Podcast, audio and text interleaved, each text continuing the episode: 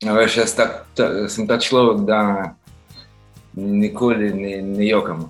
Ampak, eh, ko sem začel dobivati sporočila od sestrične, res tako občutek, nisem jokal, ampak tako občutek v glavi, da sem jokal cel 24. februar.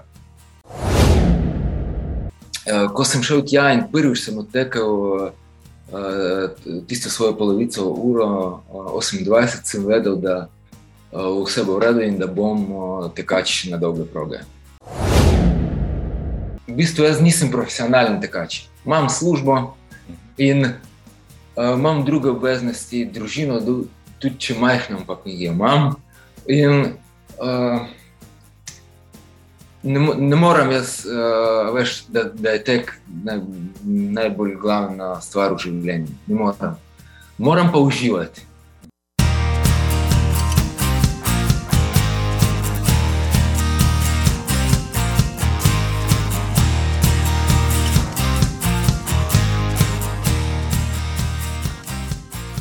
Spoštovani in cenjene, dobrodošli v podkastu za gred za tek v teh norih časih, v katerih živimo, ko smo že menili, da je bila korona najhujša stvar, ki se nam lahko zgodi. No, vojna je prišla v našo soseščino in to dobro zatresla temelje naših življenj. Čeprav uh, tukaj v Sloveniji večina nas ni neposredno odložena v njej, pa je vsak dan znova, ko jo spremljamo, tragičen in uh, poln po preopraševanj, kakšen je svet ki nas res obdaja. Tako sem, zato sem zelo vesel, da se je mojemu obilu podcast odzval Volodimir Stalinski, ukrajinski tekač, ki že pet let živi v Sloveniji in tudi tu veliko teče. Svojo domovino je vse čas povezan, tam živijo njegovi sorodniki in prijatelji. Uh, njim in domovini vse čas aktivno pomaga. Volodimir, pozdravljen in dobrodošel. Pozdravljen, Marko, živijo, živijo. Živijo. Hvala ti še enkrat, da si se tako hitro odzval. Hvala, da si vabil. Hvala. Nekaj časa te že spremljam na Instagramu, sem povezan, vidim, da te je posod polno, kar se tega tiče. No pa, pa um, si mi zanimiv kot tekač, kot človek na vsak način. Um, žal um, mi je tale vojna v Ukrajini dala uh, potem še dodatno misliti, da morda je pa zdaj čas, da te povem podcast.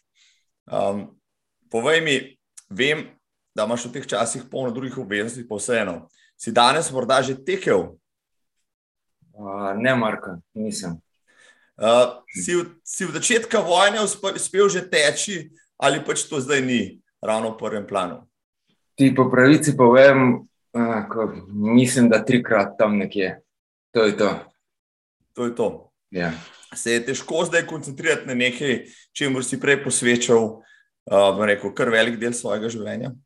Ja, zelo težko, pa v bistvu urnik imam čist raztrgan zaradi eh, razno razne pomoči in drugih obveznosti. In eh, ti pa pravic povem, da včasih po službi sem res utrujen, včasih pač imam druge obveznosti in ne morem, čisto enostavno ne morem. Najbrž si že prej, prej začela tole snemati, si mi dejal, da si nikoli nisi predstavljal, da lahko še kakšna stvar v življenju prevzame svojo tvojo pozornost, zdaj je vojna. Um, kako si se soočil s tem, kje si bil 24. februarja?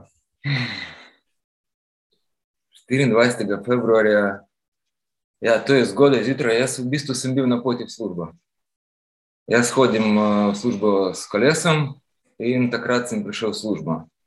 In uh, jaz ponavadi pred službo pogledam socialne mreže, pa potem pač uh, med malico in šele potem po službi. Ampak uh, jaz imam na, na Facebooku uh, približno 2000 prijateljev in uh, večina jih je v Ukrajini. In uh, jaz Eh, kako so začeli vsi sporočati, eh, kje so katere eksplozije, kdo se je kako zbudil, eh, v katerem koncu Kijeva, v katerem koncu drugih regij Ukrajine. In jaz. To, to so take trenutke, ki jih potem, veš, to kot kot, kot, kot ti nekdo zbriše, kaj, kaj si imel v glavi. In uh, isto, isto imam jaz za cel 24. februar. Uh, sem začel dobivati sporočila od sorodnikov. Um, jaz imam tam na vzhodu Ukrajine veliko sorodnikov, štiri velike družine, in uh, sem začel dobivati sporočila, predvsem od sestrične, ki je bolj navajena na komunikacijo. Uh -huh. uh, pa na Instagramu mi je začela uh, glasovna sporočila pošiljati. In uh, Veš, jaz tak, ta, sem ta človek, da nikoli ne, ne jokam.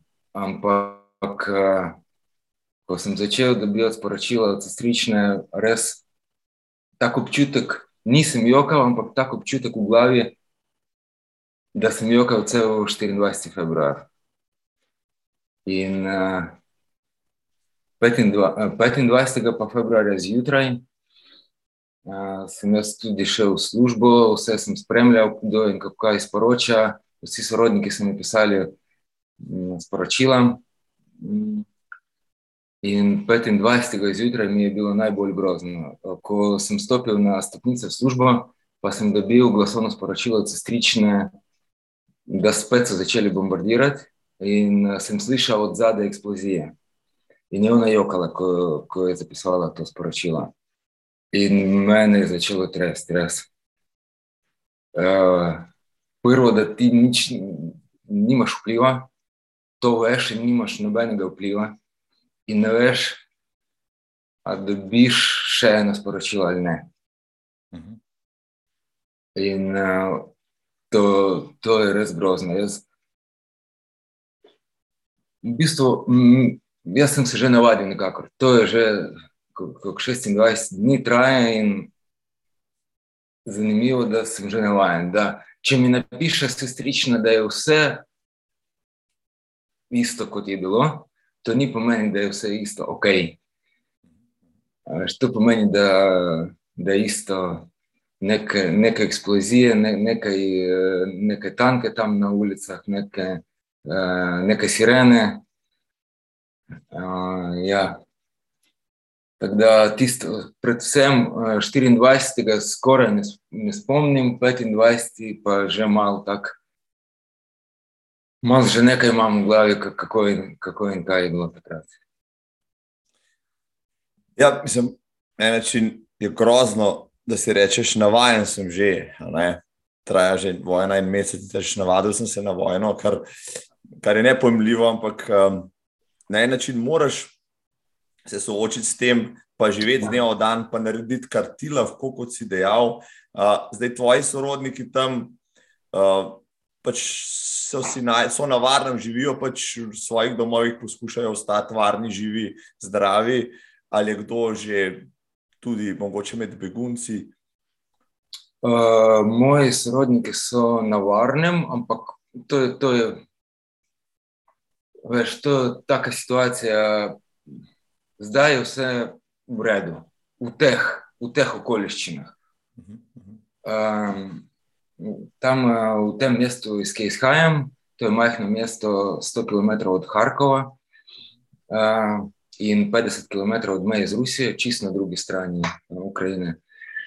Um, tam v bistvu po celem mestu ni uh, ogrevanja uh, centralnega.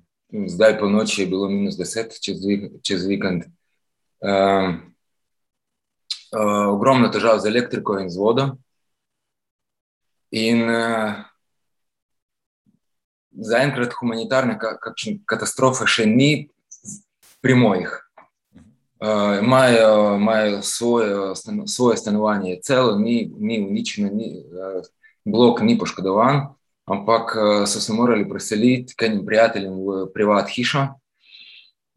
Uh, ker tam pač bolj, bolj oddaljeno od blokov, ker uh, bloke so eden izmed ciljev tam uh, za rusko vojsko. In zato, da uh, občasno, občasno so težave z elektriko in ne morejo uporabljati uh, navadne uh, oljne radiatorje pač po noči je mraz, in so se preselili v eno privat hišo, ki je pač ni težav z ogrevanjem in vodo.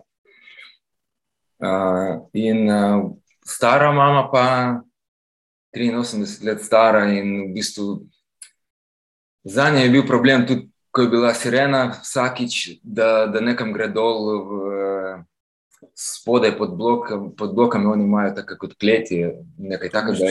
Ja, ja, ja, ja. In uh, za nje je bil že to problem, da gre tja dol. In jim je uspelo vzeti, uh, pač nekako so se zmenili, da gre ona tudi to, z njimi v to privat hišo, da je bolj navarno, pa toplo vse. Pokojna je zelo stara, ni navajena, ni vse narodno. In je šla nazaj v. V svoje stanovanje. Pač dobro, tam je mraz, ampak je svoje. In enkrat je že rekla celo moji mami, da pusti me pri miru, nočem jaz nekam se premikati, bo kar bo in je to to. Uh, nimam, nimam že moči, nočem, če bom tukaj, uh, pokliči parkrat na dan, ali pa bom jaz poklicala in rekla, da je to to. Ni, ni hotela nikamor se premikati in čez vikend. Uh, Uh, ja, približno deset dni je bila tam pri njih uh, v tej hiši, in zdaj, med vikendom, se je vrnila nazaj v svoje stanovanje, da, pač tam, da bo tam. Uh, od žene pa sorodnike, uh, ona je imela mamo v Dnipru, to je malo bolj. Ni jug Ukrajine, malo mal bolj center, kot bi rekel. Ne vem, med jugom in centrom Ukrajine. In uh, ona je bila tam čist sama, ni imela kakšne bliže sorodnike in uh, je šla z enim vlakom za begunce. Čez en teden po začetku vojne je šla k nam. Uh, in uh, par tednov je bila pri naju z ženo, in uh, zdaj, včeraj, v petih, sta prišla še stric pateta. Uh, v bistvu brat od tašči. In smo dobili tukaj eno, eno, eno stanovanje v stanovanjski hiši, in zdaj uh, z ženo smo namestili tja uh, njene sorodnike.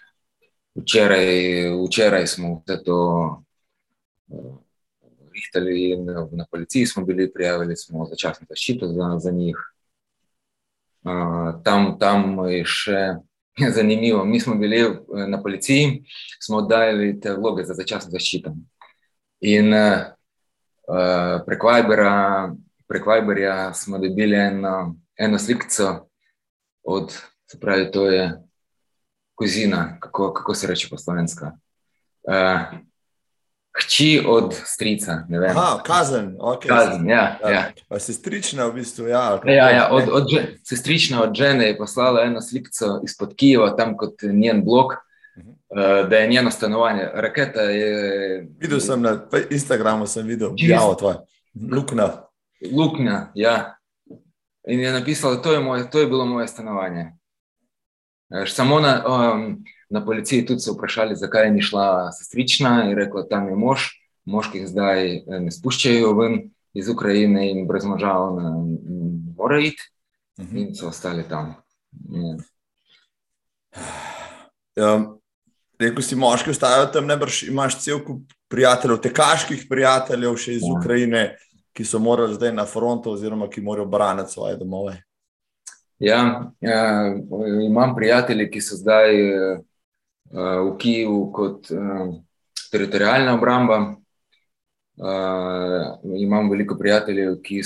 kot prostovoljci, pomagajo, uh, pač pomagajo teritorijalni obrambi, pomagajo kot uh, prostovoljci, pomagajo ne vem, hrano nekam odpeljati, pomagajo starejšim ljudem, pomagajo bolnicam. In uh, imam tudi, uh, poznam. Uh, ljudi, ki so kot profesionalni tekači, in zdaj eni so v vojski, tudi z orožjem, popolnoma kot vojska. Pač, seveda tam že ne gre. Do, dobro, zase vsaj nekaj lahko narediš, ampak za kakšne treninge, pa to, da si v kondiciji, tukaj se ne pogovarja več. Zdaj so druge stvari, ki so bistveno ja. pomembnejše. Uh, uh, povej mi, Volodimir uh, je v Ukrajini še vedno vezan vojaški rok, Sloveniji tega že ni več 25 let, kako je to pri vas? A to kot obvezno, da se Pokličejo, ja, tako. tako. Aha, aha. Ja, ja to, to, je še, to še obstaja. Si prav, si bil tudi ti, v- v- si služil vojaški rok, ko si Uh, bil polnoleten, oziroma ko si bil star 20 let. Ja, pri, nas, pri nas obstaja še tudi ena možnost, da, da ti, ko, ko si na faksu, Mhm. da kot ena fakulteta obstaja, a da ti dve leti, nared, a, kot, kot bi rekel, vojaška fakulteta. Ne vem, kako, a, a ste imeli sploh to ali, ni, ali niste. ne vem. To, to je v bistvu zato, da po, a, po študiju, da ne greš v, v vojsko dve leti. Ampak ne, se mi zdi, ko sem bil jaz že, smo imeli eno leto obvezne, uh, obvezne vojaške službe. Služ, službe, služenje. Ja, ja. Ja. In uh, zato, da sem bil takrat na, na, tem, na, tem, na, na, na tej fakulteti, ali kako se reče, pač, zato potem nisem šel v vojsko. No, v Sloveniji uh, večina odraslih moških, uh, recimo mojih let ali pa mlajših, ni služila vojaškega roka. To Mhm. obveznost so ukinili že več kot četrt stoletja nazaj. Um, glede na to, v kakšnih časih živimo, um, bi morda ne- nekomu od nas ne škodilo malo te, recimo, osnovne izobrazbe za vsaj prijet kakšen kos orožja, pa se braniti, ampak bo to debato nadaljevala drugič, zdaj vas zdaj. Rečem, kakšno v teku, no, ker je Ja. vendarle to tekaški podcast. Pardon. Um, ampak, ne smem se iz neveri tradiciji, tradiciji, moram te predstaviti, dragi Vladimir, najnemu poslušalstvu in gledalc, gledalstvu, drage gledalke in poslušalci. Z mano je Volodimir Stalinski, za prijatelje Vova, magistr strojništva doma iz vzhoda Ukrajine, kot je že povedal. Je tudi tekaški trener, ki je na tem področju že delal v svoji domovini, izobražuje pa se tudi na fakulteti za šport v Ljubljani. Zadnjih pet let živi v Sloveniji in tu, tudi teče vsaj petkrat na teden. Je odličen tekač, se je pol maraton že pretekel v uri in 21 minutah. Je vegan in tudi aktivist za živalske pravice. Po izbruhu vo- vojne je aktiven in se pri pomoči svojim sorodnikom in prijateljem, ki živijo v Ukrajini, pa tudi beguncem, ki prihajajo k nam, intenzivno posveča. Rojen je leta 1988 in je moj gost v 88. epizodi edinega tekaškega podcasta v Sloveniji. Volodimir, kje in kako si se tako dobro naučil govoriti slovensko? Marko. um, hvala za predstavitev. Um, na ceneta štuparja v Ljubljani. Odlično. Uh, lahko rečem, da, da, da um, glede na to, da si um, da porodil nisi slovenec, govoriš bolje slovensko kot marsikateri slovenec, ki je tukaj rojen. Uh, sem spoštovan do vseh slovencev, ampak res ti moram dati kapo dol. Uh, da si ne predstavljam, da bi, da bi tako hiter usvojil ukrajinščino, ne glede na to, da smo vsi iz neke slovanske družine. Bi, bi Marko. No, evo, če, bom, evo, če bo kdaj potrebno, vem, na koga se lahko obrnem.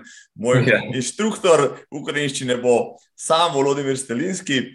Uh, povej mi, uh, je uh, Volodimir popularno ime v Ukrajini, glede na to, da deliš, Ja. si ga deliš tudi s predsednikom Zelenskim? Ja, je zelo popularen. Ja. Veliko nas je v Ukrajini uh, s takim imenom. Uh, in tudi to, to je v bistvu isto ime, kot ko vi imate Vladimir. Tako je. Ja. Samo da napiše se malo drugače. Vlad- Vladimir, vlado, vladek, ja, pri nas je to ime tudi popularno, mogoče malo manj pri, pri mlajši populaciji. Zdaj, ja? ljud- Tako, ja, tako. Ja, pri, pri, manj, pri nas v Sloveniji smo manj tradicionalisti, zdaj imamo rajši zahodnjaška imena. Zakaj si prišel in se preselil v Slovenijo? Oj, a veš, da po, po petih letih si nisem izmislil dobrega odgovora na to vprašanje. Kaj te je privleklo na zahod? Ja, tako, ja. Si, moče si se zmotil, pa si še pre- predaleč teč, pa si enkrat prišel. ne, um, jaz, eh, ti bom rekel tako, tak, kot je. Nisem jaz, nisem, nimam dobrega odgovora na to vprašanje. Veliko ljudi me je vprašalo in še zdaj vprašajo, ampak nimam dobrega. Ne vem, uh, z ženo smo si zamislili, da nekaj moramo, da, da moramo narediti neko spremembo za neko boljšo svojo prihodnost. Ne vem. In prvo napravo smo začeli raziskovati, smo začeli pač razmišljati, in so bila, zagotovo so vedela, da moramo, prvo napravo moramo, ja, bova šla ven, se bova preselila. Kam, to je že naslednje vprašanje. Mhm. Potem smo začeli razmišljati, kam se bomo preselili. Prvo, prvo naporo so bila pripravljena, uh, da pač bova šla, da bojo spremembe, da morajo biti pripravljene na spremembe, uh, odprta za spremembe morajo biti. Potem so začeli razmišljati, kam. Uh, preden so, pred, preden,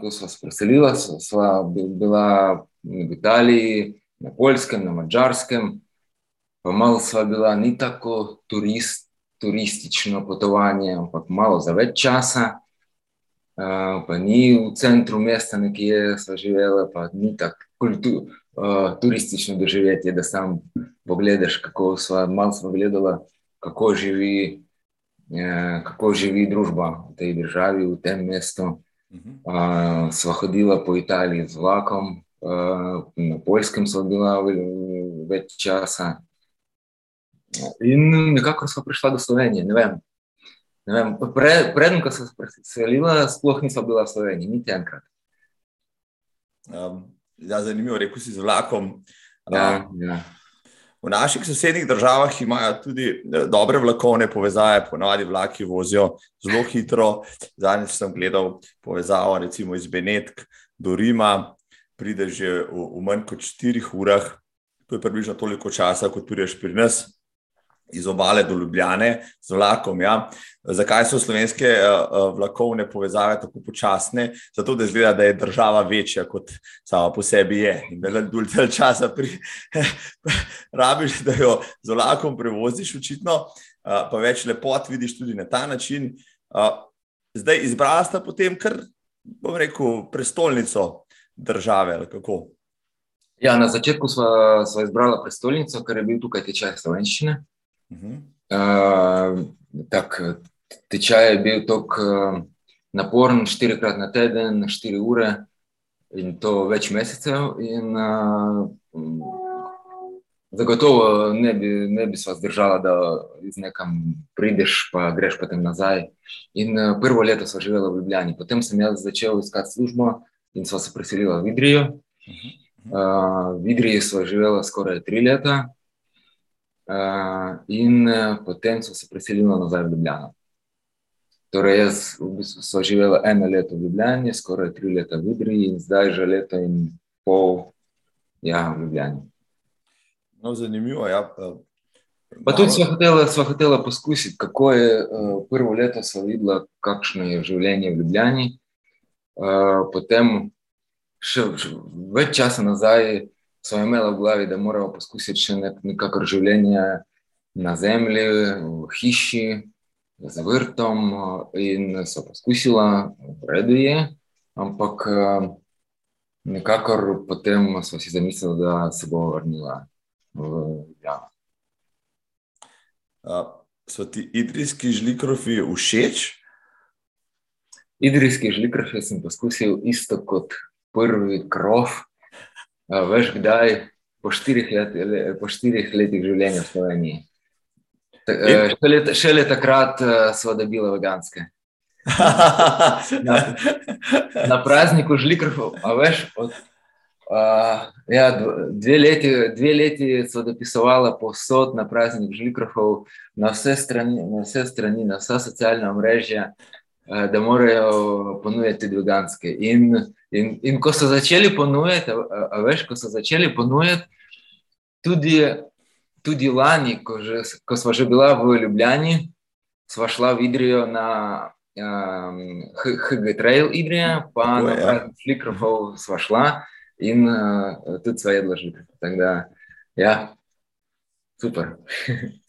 No, če ste se, spraše, če ste se spraševali, kakšen aktivist je Volodimir no, če, če je bil sposoben uh, lastoročno doseči, da so začeli delati veganske žlikrofe, pol veste, da z njim ni češen zovati, evo, oziroma ne veganskih žlikrofov. Ja, um, povej mi, hoče za primerjavo, da živiš pet let v Sloveniji, prej si živel uh, na vzhodu v Oktirki, če sem pravilno pogledal. Pa potem tudi v Kijevu, kako bi ja. pri, primerjal, recimo, Ljubljano s Kijevom, ki, v katerem veliko gledamo, poslušamo, ne na tak način, kot bi radi, no, ampak Um, tudi slike so čisto drugačne, ampak kako, kako bi ti dve mesti, recimo, eno z drugim, lahko primerjali?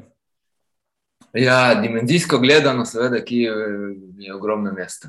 To, Ljubljana, Ljubljana je tako majhna, kot približno vsaka prestolnica regije v Ukrajini. Torej, Eh, tam, tam, kjer sem imel faks na zahodu Ukrajine, v Ivano-Frankivsku, tam je približno 250 tisoč prebivalcev. Uh mhm. -huh. Isto prestolnica moje regije, ko sem jaz rojen, Sumi, uh mhm. -huh. tam je tudi približno 280-300 tisoč prebivalcev. Kijev pač ima, ne vem, jaz mislim, da kakšnih 5 milijonov prebivalcev. In uh, ja, ta, tam življenje, življenje poteka malo mal bolj hitro kot v megapolisu, kot v zelo velikem mestu. Uh, ljudje se sprehajajo hitro, v metroju vozijo nekaj, berejo, nihče, nihče ne kolesari tako, ne veš, a spija, sanja ali kaj gleda sploh na okolje ali ne, ali sam nekje v, v, v, svoj, svojih mislih, pa v svoji glavi. Ja, ta, tam je malo drugačno življenje, res. No, ko si bil v Kijevu, kje pa si najraje tekel? Ja, v Kijevu je ogromno lokacij. Par, parkov, park, tekaških. Ja. Um, dobro, za, za pozimi sem dve, dve dvorani, ampak za poleti lokacij je veliko. Uh, edina težava, da mogoče, uh, mogoče uh, včasih je priti tja zaradi eh, težav s prometom, mogoče včasih je malo težje. Ampak, um, ampak drugače, tam je ogromen park uh, na, na obrežju Dnipra, uh, velike reke. Uh, potem, tam, je, tam je zelo dobra lokacija, zato ker v bistvu zelo dobra proga, asfaltirana, klanci, razno razne dolžine, od uh, 50 metrov do 700 metrov. Uh, in uh, tam sem pretekel prvič 30 km. Uh, to je bilo približno daj, leta 2011. Uh, pa tudi obstaja ena tako zelo dobra lokacija za dolge teke, kjer recimo, kjer recimo v dveh krogih lahko pretečeš čisto v gozdu. V gozdu z normalno površino, tako mehka, kakšne stezice. Ni dolgočasno, v dveh krogih lahko pretečeš 30 km. Pač, pa, pa tudi stadion, tri se mi zdi. Tam, tam je veliko lokacij. Aha, pa še en gost, sem mal na okolici Kijeva, tja, tja bi bilo težje priti, sam tam lahko, ja, tam pol dneva lahko pač se sprehajaš, pa tečeš. Tam, tam sem jaz imel ponovadi težave z dolgimi teki, ker um, premehka površina, peska je veliko in na taki površini jaz malo bolj zgubljam energijo, pa mi je težko. Um, no, ampak um, Kijev, vem, da um, od 2010, mislim, da tam nekje organizira, je organiziralo mesto. Tudi maraton, kolegica mi je enkrat navdušeno razlagala, da 2014-2015, kako uh, prijetno mesto je to in da moramo tja potovati enkrat na maraton. Sem rekel, definitivno bomo. No, zdaj um, bomo videli, uh, kdaj bo maraton spet na sporedu, moral bi biti 16. oktober. Uh, si kdaj ti sodeloval na tem, na tem maratonu? Uh, jaz, jaz osebno nisem sodeloval, ampak zelo dobro. Eh, takrat, 2010, sem, jaz, uh, sem se preselil v Kijev uh -huh. po koncu študija. Uh -huh. In uh, takrat jeseni je bil prvič organiziran ta marafon. Na prvem, mar, na prvem maratonu je bilo vem, se mi zdi, kakšnih 150 tekačev, maratoncev. Jaz sem tekel takrat uh, desetko uh, na, te, na tem prvem do, uh, dogodku. Uh, ampak čez dve leti sem jaz tekel tam kot zajček polovica, uro 30. Ker, ker sem, do, uh, jaz sem vedel organizacijo, pač sem bil v enem takem tekaškem klubu uh, in uh, sem vedel, kdo je organizator in uh, ta klub, organizatorje so povabili ta klub, da da da zajčke na maraton, pa pol maraton. In sem jaz tekel takrat, leta 2012, se mi zdi, um, kot zajček, uh, polovica, ura 30. Zelo lep rezultat za, za pol maratonca. Um, jaz sem malo statistiko šel pogledat. Uh, podobna zgodba, ljubljanski zgodbi, ljubljanskemu maratonu, ampak z eno razliko na ljubljanski maraton je v zdaj vseh teh letih, četrt stoletja, pred leti, ko si se ti preselil v Ljubljano, je bil recimo Ljubljanski maraton na vrhuncu svoje popularnosti, dosegel je številke tudi čez 20 tisoč. No, ja, sem, ja, ja. Ukrajinski. Uh, Glavni kijovski maraton je bil desetkrat manjši. No, če so primerjali mesti, pa je tukaj razlika. Krat 20, no je um, pri teku ravno obratno, je bil tek moče v Sloveniji prej popularen kot, kot v Kijevu, v Ukrajini. Kako si pa ti spremljal to sceno, recimo iz prve roke, ki, ker si bil pač v teh vodah? Uh, ja, do leta 2010 je bilo celo v Ukrajini ni veliko maratonov. To so bile take. To so bile take maratone, ni, ni, ni tako komercialno, pa lepo organizirane. Bolj tako za za, za manjše skupine tekačev. V Odesi je bil en tak zelo dober maraton, ampak tudi ponovadi so take maratone bile, niso bile organizirane v centru nekega velikega mesta. Z, z veliko količino partnerjev, pa sponzorjev, pa denarja za zmagovalce. Uh, to je bilo, ne vem, ne, ne vem zakaj, zakaj mogoče zaradi samega pač življenjskega standarda ali kaj. In od leta 20, 2010, pa ko začel ta prvi, v bistvu ni bil prvi, ampak na tak način narejen, komercialno narejen velik maraton, to je bil prvi leta 2010.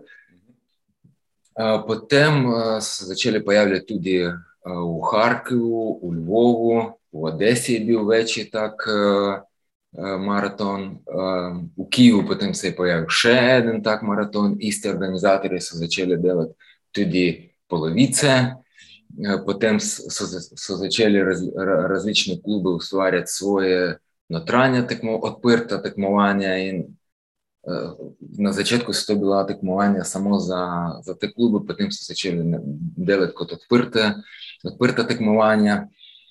desetke, petke, in pač se je začelo razvijati. Ja. In uh, kot, kot sem videl, sem že bil tukaj. Uh, sem videl, da tudi na, recimo, vem, na, za, na zadnjem tem kijevskem maratonu je ja, dobro narejen, je bil tudi tak, da v enem dnevu polovica in desetka, ampak tam uh, 10-12 tisoč skupaj, skupaj je bilo, se mi zdi. No, to, potem niso bile majhne številke, ja, na maratonu, mogoče malo manj, na zadnjem ja, maratonu. Ampak tako, tako, iste, iste, rekel, iste za Dregom, Ljubljanski maraton. Uh, zaostaja, je... zaostaja Ukrajina in uh, Kijev, zaostaja za kakšnih, jaz mislim, deset let. Scena, sam. Ja, ja, ja. ja, ja, ja. No, glede na to, da se je slovenska tekaška scena je ohladila v zadnjih, ne samo zaradi korone, tudi pred korono, uh, kar močno.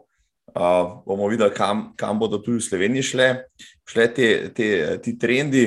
Ampak uh, ti, kot tekač na dolge proge, nisi bil vedno to, bil si namreč atlet, celo deseterobojec, če se ne motim. Ja, ja. Um, kaj te, izvoli? To je bilo, tudi to je bilo v mojem življenju. Kaj te, kaj te je pa zaneslo od te vode, no, in katera je bila tvoja najljubša disciplina v deseteroboju? Zgodba se je začela. Jaz sem, jaz sem končal srednjo poklicno šolo v mestu Poltava. to, to je tudi bolj na severovzhodu Ukrajine, ali mogoče bliže centru. Um, jaz sem končal tam um, srednjo poklicno šolo uh, in uh, ko sem pisal svojo, diplom, svojo, svojo uh, diplomo, ali kako se reče temu, maturo, uh -huh. ja, uh, mi je bilo dolgočasno zjutraj in uh, začel sem, pač, ne vem, mi je bilo dolgočasno, pa sem šel na tek. In sem začel, ne vem. Na to naslednje leto pa sem šel na zahod Ukrajine, Ivano Frankivsk, na faks. Uh -huh. In uh, tam sem moral napisati uh, take pač discipline, ki so mi najbolj všeč, da grem tja. Um, in sem napisal atletiko. Takoj so me opazili tam, da pač suh, lahko me porabijo, kaj, kaj češ. Um, in uh, en, en tam, je, tam je bil trener, en tak 70, takrat je bil 72 let star, sam uh, s, uh, pa je bil tudi tekmovalec v, v kategoriji Masters um, Ivan Fajčak je bil um, tak zelo dober tak, uh, moški, ki, uh, ki mi je pokazal vse. In je rekel, če pač poskusi, boš dal točke v univerzi na, raz, na različnih tekmovanjih, pa poskusi, kaj, zakaj ne bi poskusil. Mhm. In sem jaz začel, in v Drugo leto, sam zaradi točk za univerzo, sem šel na tekmovanje, ampak preklopil pa sem se na tek z ovirami. In sem tekel 60 metrov z ovirami. Jaz nisem šprinter, ampak sem bil malo bolj gibljiv, malo bolj dolge noge za ovire, bo šlo. In v bistvu eh, nisem gradili kot šprinterjev, samo samo so uporabili tisto, kar sem že imel. Tako, tako, tako, bi, tako bi rekel. 60 metrov z ovirami sem tekel dobro, uh, za 110 pa nisem imel dobre šprinterske baze, in na koncu sem že skoraj skakal. In v, tem, v tej disciplini ti, ko začneš skakati, seveda, izgubljaš čas, da si preveč v zraku. In uh, zato na zadnjih ovirah sem imel ogromno težav s tem, da dosežem, ker uh, hitrost mi pade, in v bistvu zato, da sploh dosežem ovire, da ne skačem preveč, sem imel potem že, predvsem na zadnji oviri, težave. In uh, ja, ovire sem tekel, tri leta sem bil uh, zmagovalec, kot bi rekel. Um, Univerze, študentskega. Univerze, pa te regije, ki smo jih imeli. Regijskega tekmovanja. Ja, ja, regijskega tekmovanja. Mhm. Na nacionalni ravni pa nis, nič nisem dosegel. Uh, ampak potem, ko sem se preselil v Kijev, sem vedel, da ne bom, službo sem že imel in sem vedel, da ne bom mogel nadaljevati z zavirami, in sem, pre, sem se preklopil na dolge teke. Um, po izobrazbi si magistr strojništva. Ja. Uh, ampak na tvojem LinkedIn profilu piše, da si bil uh, tudi trener atletike, oziroma tekaški trener nekaj časa v svoji karieri. Kako to? Ja, ja. Uh, tudi to sem poskušal. Um, v tem klubu sem bil jaz, uh, ko sem se preselil v Kijev, sem bil v tem uh, tekaškem klubu in sem bil uh, tak. Uh, zelo blizu trenerja. Mhm. In uh, pač me je to vse zanimalo, kako, kako, in, kako se vse to dogaja, kako on trenira, kakšne treninge zbira, kakšne, uh, kakšne vaje zbira, kako za koga, kaj predlaga, da, se, da izboljša rezultat. In me, me, me vse to zanimalo. Ne vem, ne vem zakaj, ampak pač tako je bilo. In Uh, potem pač, sem bil blizu tega trenerja, pa zato, da sem bil, sem bil malo hitrejši. Uh, so, sem bil tudi udeležen tudi uh, različnih tekmovanj v dvorani, pa na, na odprtem uh, v Kijevski regiji. Uh, tam sem tekel 400 metrov, 800 metrov, ker je bil ta trener tudi trener v enem športnem klubu, bolj bolj tako kot, tak kot tukaj v Sloveniji, torej ni ljubiteljski na klub, ampak bolj profesionalni. Mhm, Ja, in me je vabil tudi, če so kakšna tekmovanja tam, me je ta trener vabil tudi na razno, razno razne ta tekmovanja. In uh, tam uh, sem gledal tudi, kako, del, kako razno, raz, druge trenerje trenu, uh, trenirajo svoje tekače. Pač. In me je to vse zanimalo. In uh, uh, sem bil tudi nekaj časa kot njegov pomočnik tam. Uh, pa so me uporabljali par, parkrat, kot bi rekel, za če jih nisem bil nadomestnik. Uh, in uh, pač uh, potem, potem uh, smo se malo razšli, ker so začeli v bistvu. So, so, so začele take spremembe v tem klubu, da se jaz se, se ne strinjam s tem, kako se in kaj dogaja. Jaz sem hotel, da, da, da vabijo več ljudi, da naredijo več skupin, da se malo to naredi na, tak bolj, na bolj tak širok način, da, da niso tako skromni. Uh -huh. Da imajo samo eno skupino, 20 ljudi, ljudi, ljudje so prihajali, ljudi je bilo zelo veliko v enem treningu. Je bilo zelo težko kontrolirati, kaj, kaj ljudje sploh delajo. Uh, ko imaš ti, ne vem, vse, vse starosti, 30 ljudi v skupini, uh, pač ljudje so začeli malo s poškodbami, so, so se začele poškodbe pojavljati med ljudmi. In jaz sem rekel, da moramo malo manjše skupine narediti, uh, pomočnike dobiti, pa da bolj, uh, bolj resno in kakovostno to peljati. In pač se z mano niso strinjali, in jaz sem rekel, pač na svojem. Uh, takrat, sem, takrat sem imel službo, sem zapustil službo in sem začel z majhno skupino delati. Pač tako odrasle ljubitelje, nas je bilo ni bilo več kot deset. V skupinci sem jaz naredil malo drugačno cenovno politiko, malo drugačno kakovostno politiko. Seveda nisem bil jaz nek, nek tak uh, močno izobražen, ampak vsaj da ljudje, ljudje so ljudje, ki so imeli pač službo, pa ni eno, nekaj služb so imeli, so prihajali do boljših rezultatov, brez poškodb, in sem bil jaz zadovoljen. Tudi.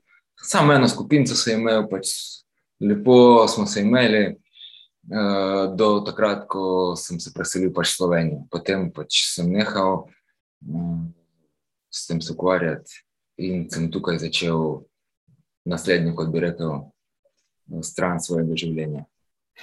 Ja, tu vem, da delaš v prodaji.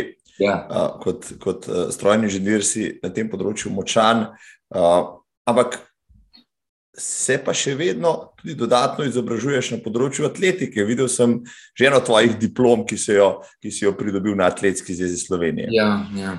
Pač tisto, tisto, jaz sem nehal m, trenirati, ker sem se preselil, ampak me je vseeno to zanimalo. In Mal, mal sem imel tako pauzo, ja, da, da sem nekaj stabiliziral v življenju. Tukaj sem, sem dobil službo, sem jo našel, nisem, ni mi jo podarili, ni mi jo podarili ali nekaj takega. Ja. Lepo, lepo. Uh, pa, pa ni bilo to tako enostavno, to, pač to je bila borba. Ti povem po pravici za tujce, to ni tako enostavno. Z vidika vsega, birokracije, papirologije, jezika da se ne vadiš na ljudi, pa na, na navade, na družbo, na vse.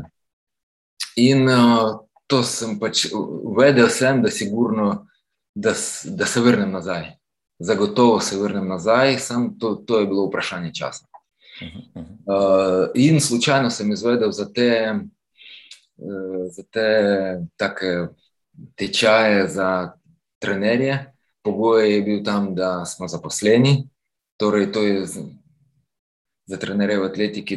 In to je bilo tako za odrasle, ki, pač, ki že imajo službo, ampak vseeno, tako kot so rekli na Olimpijski komiteji, pa na uh, Atletski zvezi, uh, trenerjev, trenerjev je malo, uh, v Sloveniji jih manjka. In um, mora biti nekaj, nek program narejen za to, da kader se izobražuje, da, da smo pač, jaz, jaz, jaz osebno si predstavljam to, da smo kot pomočniki za trenerje, potem, pa, ko pridobimo še drugo stopnjo, mogoče smo samostojni trenerji. Jaz si to tako predstavljam in uh, sem bil zelo zadovoljen s tem, da sem dobil to možnost, da sem uh, takrat korona se je začela in jaz sem vedel, da en termin so, so celo uh, umaknili uh, in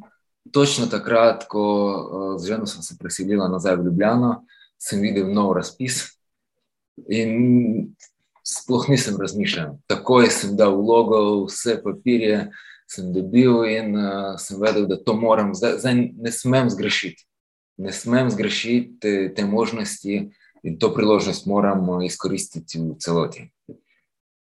Bravo, mislim, izjemno. Um, ne samo, ne, da si bil praktično podkovan z vsemi izkušnjami, tudi teoretično si.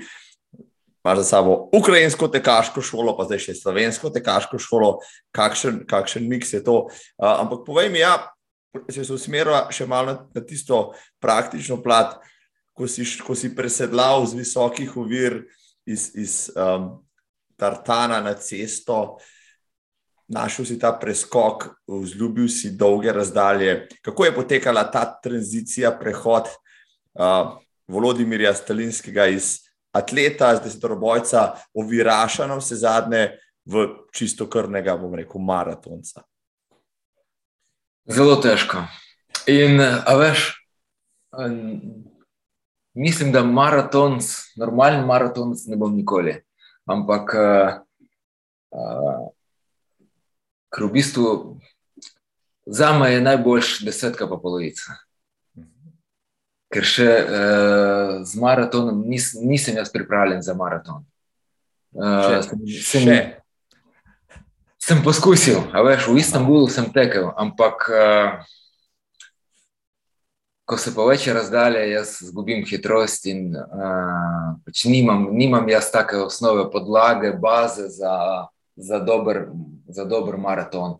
In vem, koliko časa je potrebno za to, in močno dvomim, da ga bom imel. Da se resno pripravim, ker me ne zanima, da sem pretečen v cilj. Uh -huh, uh -huh. uh, kakšne, kakšne, kakšne kakšnega časa zaplaniranega, tudi nimam, kaj, kaj bi sanjal, da pretečem maraton. Imam pa za polovico in res uh, meni se zdi, da tak, uh, taka, taka, taka narava, mogoče ali kaj ne vem, maraton, jaz ne bi rekel, da je to moja narava. Da jaz v maratonu uživam, ko toliko časa trpim. Uh, iskreno ti povem. Pošteno, tako, tako. Ja, ja. Jaz mislim, da maraton ni moja narava. Preveč za me, preveč. Dobro, jaz lahko časovno tečem kakšen trail, ampak to je čist drugačna zgodba. Tako, tako. Tudi, če, tudi če mi vzame tri ure in pol, trail jaz lahko tečem, to je čist drugačna narava teka, to ni tek na cesti.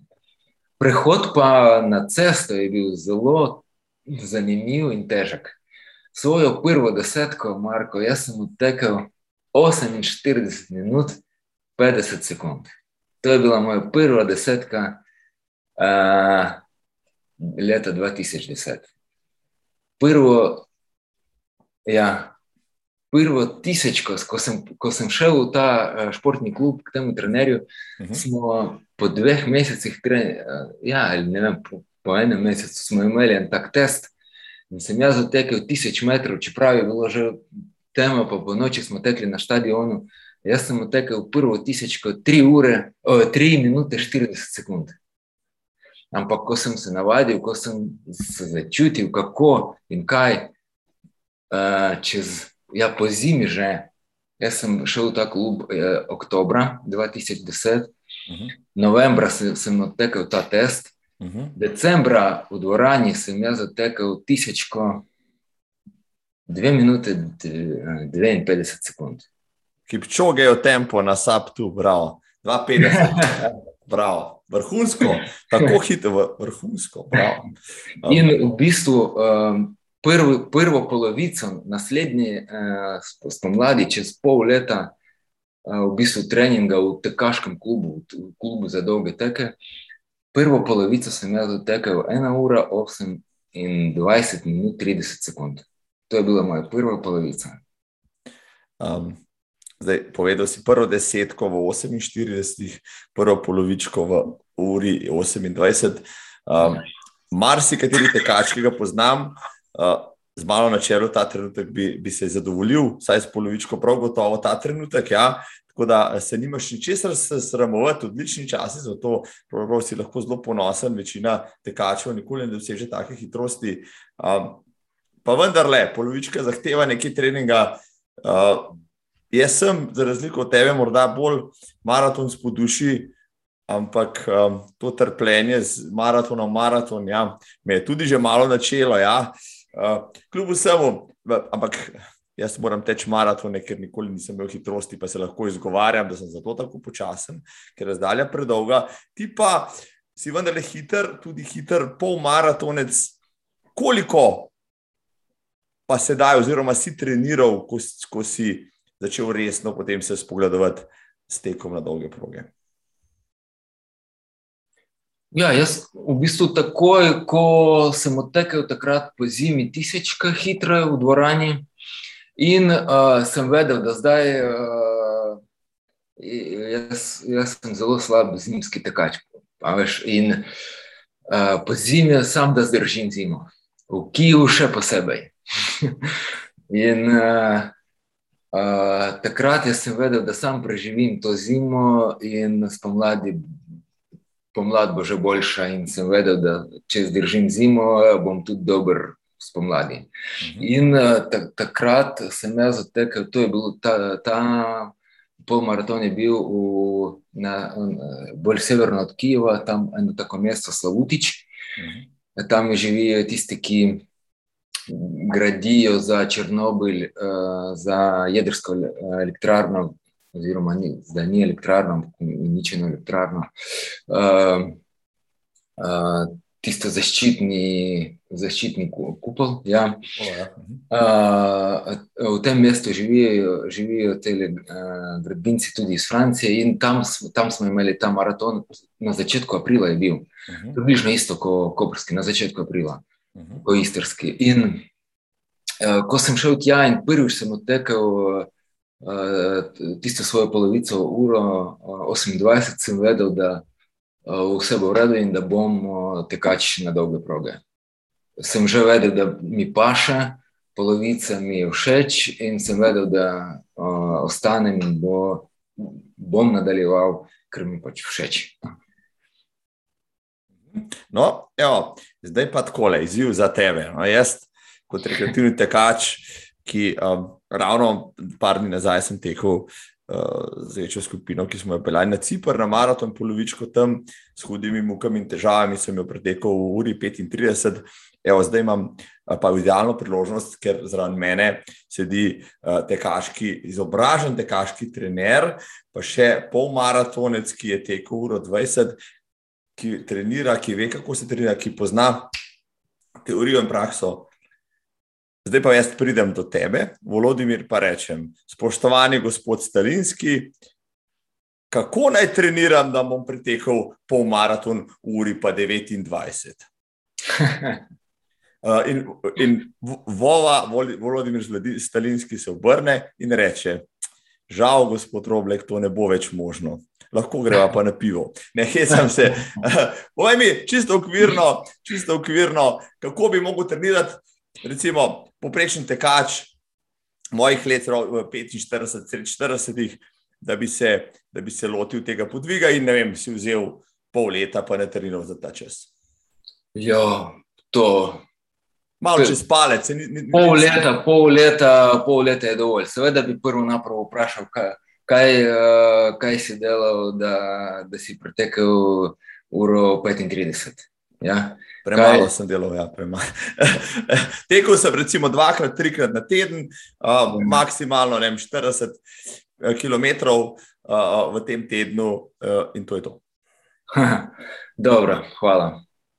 Uh, ja, mora biti v bistvu, uh, jaz bi to naredil tako, da uh, imam nek cilj, ja, neko tekmo, da, da vemo, kam, na kam se pripravljamo. Uh, potem, uh, potem bi razporedil malo na obdobja. Uh -huh. uh, neko, neko bazo bi, neko bazo bi smo naredili.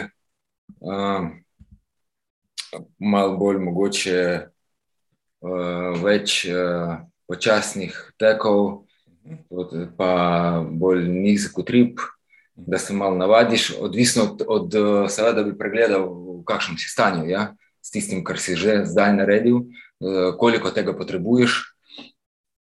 Uh, ja, potem, potem uh, zdaj, trenutno ni tega kot z. Uh, Dejanom uh, sva se pogovarjala, tudi on mi nekaj rekel, že, da v bistvu zdaj ni tega, da, da strogo držimo obdobje, ja? da, da, gledam, da gledamo, v bistvu, kaj se dogaja z atletom, kak, kakšen je njegov odziv na, na trening. Ja? Za, ko, za nekoga mogoče malo manj baz, za nekoga malo več, odvisno od začetnega stanja. Ja? Uh, potem, seveda, moč. Uh, bi smo imeli specialno, uh, bi smo imeli specialno moč, uh, mogoče kak, v kakšnem fitnesu ali na stadionu, kakšno, kakšno, kakšne vaje za moč. Uh, Boljš, če brez uteži, pač sam, sam da z, raz, z, raz, z različnimi vajami, ja, z različnimi vajami, da se da pridemo do neke, do neke, do neke dobre moči, pripravljene za naslednje faze treninga. Ja,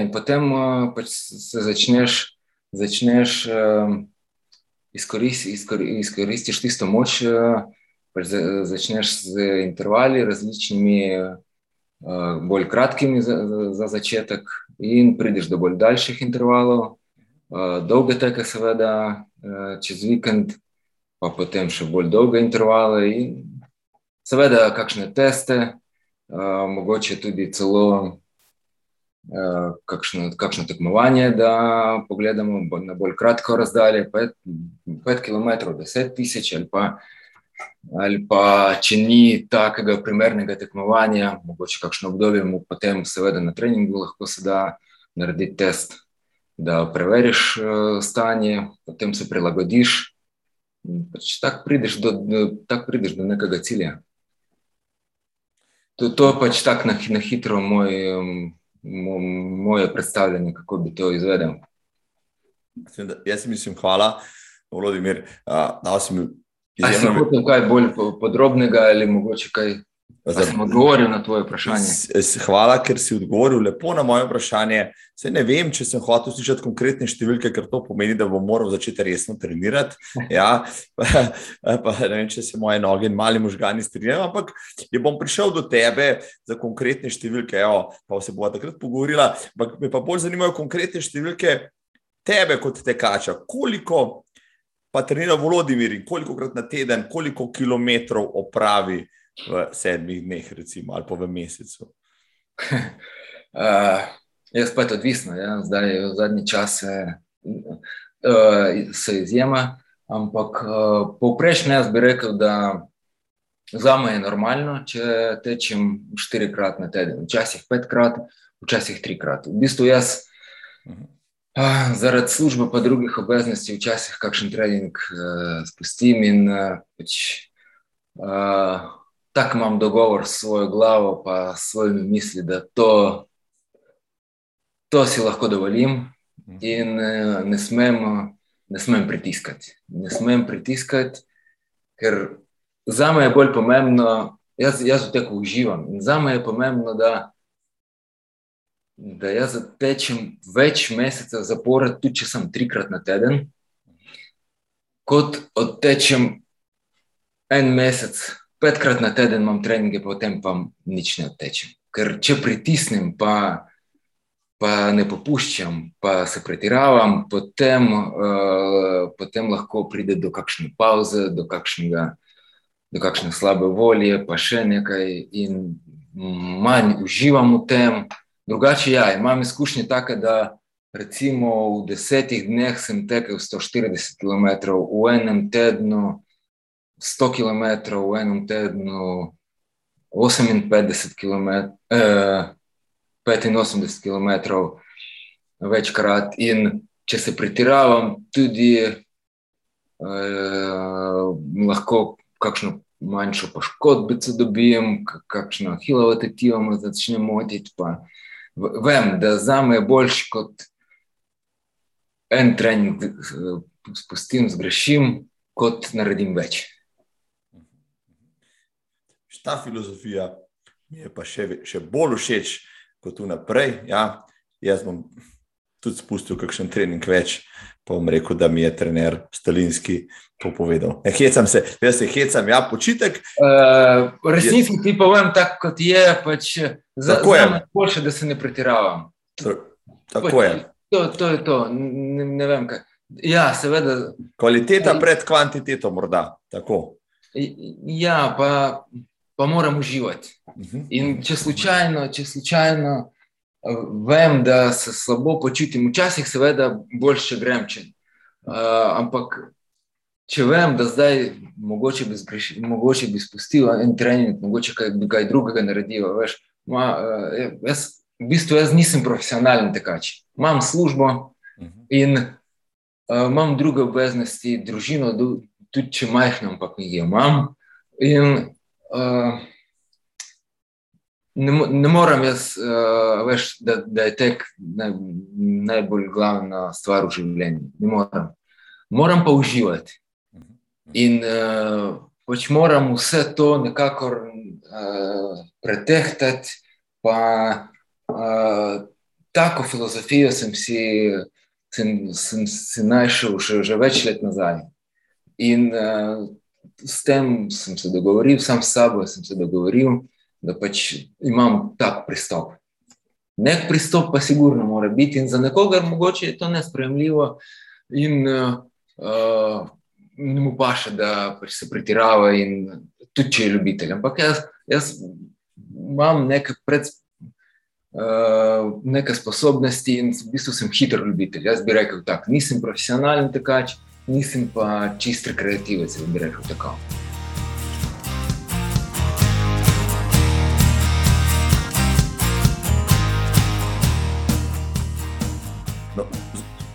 Hvala, Volodimir. Evo, smo se pogovarjali, koliko časa ima za ta pogovor. Urica je minila, pa tudi vedeli, vedeli nismo, pa šele dobro so začela. Tako, um, 21 je res kar čas, ki, ki nekega polmaratonca postavlja visoko med rekreativci. Recimo, kakšne pa imaš ambicije, prej si omenil, v polmaratonu? Kaj bi pa želel doseči? A veš kako, Marko? Povem, kaj bi želel doseči, takoj nekaj gre na robe. Aha, se pravi. Res ti povem, uh, res po pravici ti povem, da. Uh, Uh, jeseni, jeseni ko, ko je imela neja priprave za maraton, jeseni sem bil zelo veliko časa zraven na, uh, na stezi na stadionu. In sem res sem bil zelo dobro pripravljen, sem se zelo dobro počutil, in sem vedel, da zimo moram zdržati, in spomladi bo vse top super bo, bom zelo dobro pripravljen, uh, sigurno bom šel sedmi rekord, sem zagotovo sem vedel, da bo vse v redu. Na to pa januar, ja, decembra sem odtekel tudi dobre kilometre. Januarja sem začel tudi dobre kilometre nabirati, pa januarja uh, s korono sem zbolel. Mm. Ja, potem februarja, pa je kolegi, takoj ko sem začel spet vračati, sem se začel vračati nazaj, kolegica v službo je prinesla rotavirus, hvala lepa, draga kolegica. Spet za en teden padel ven. In takoj, ko sem se začel vračati, se je začel 24. februar in vojna. In spet, torej jaz, jaz imam res take valove uh, letos.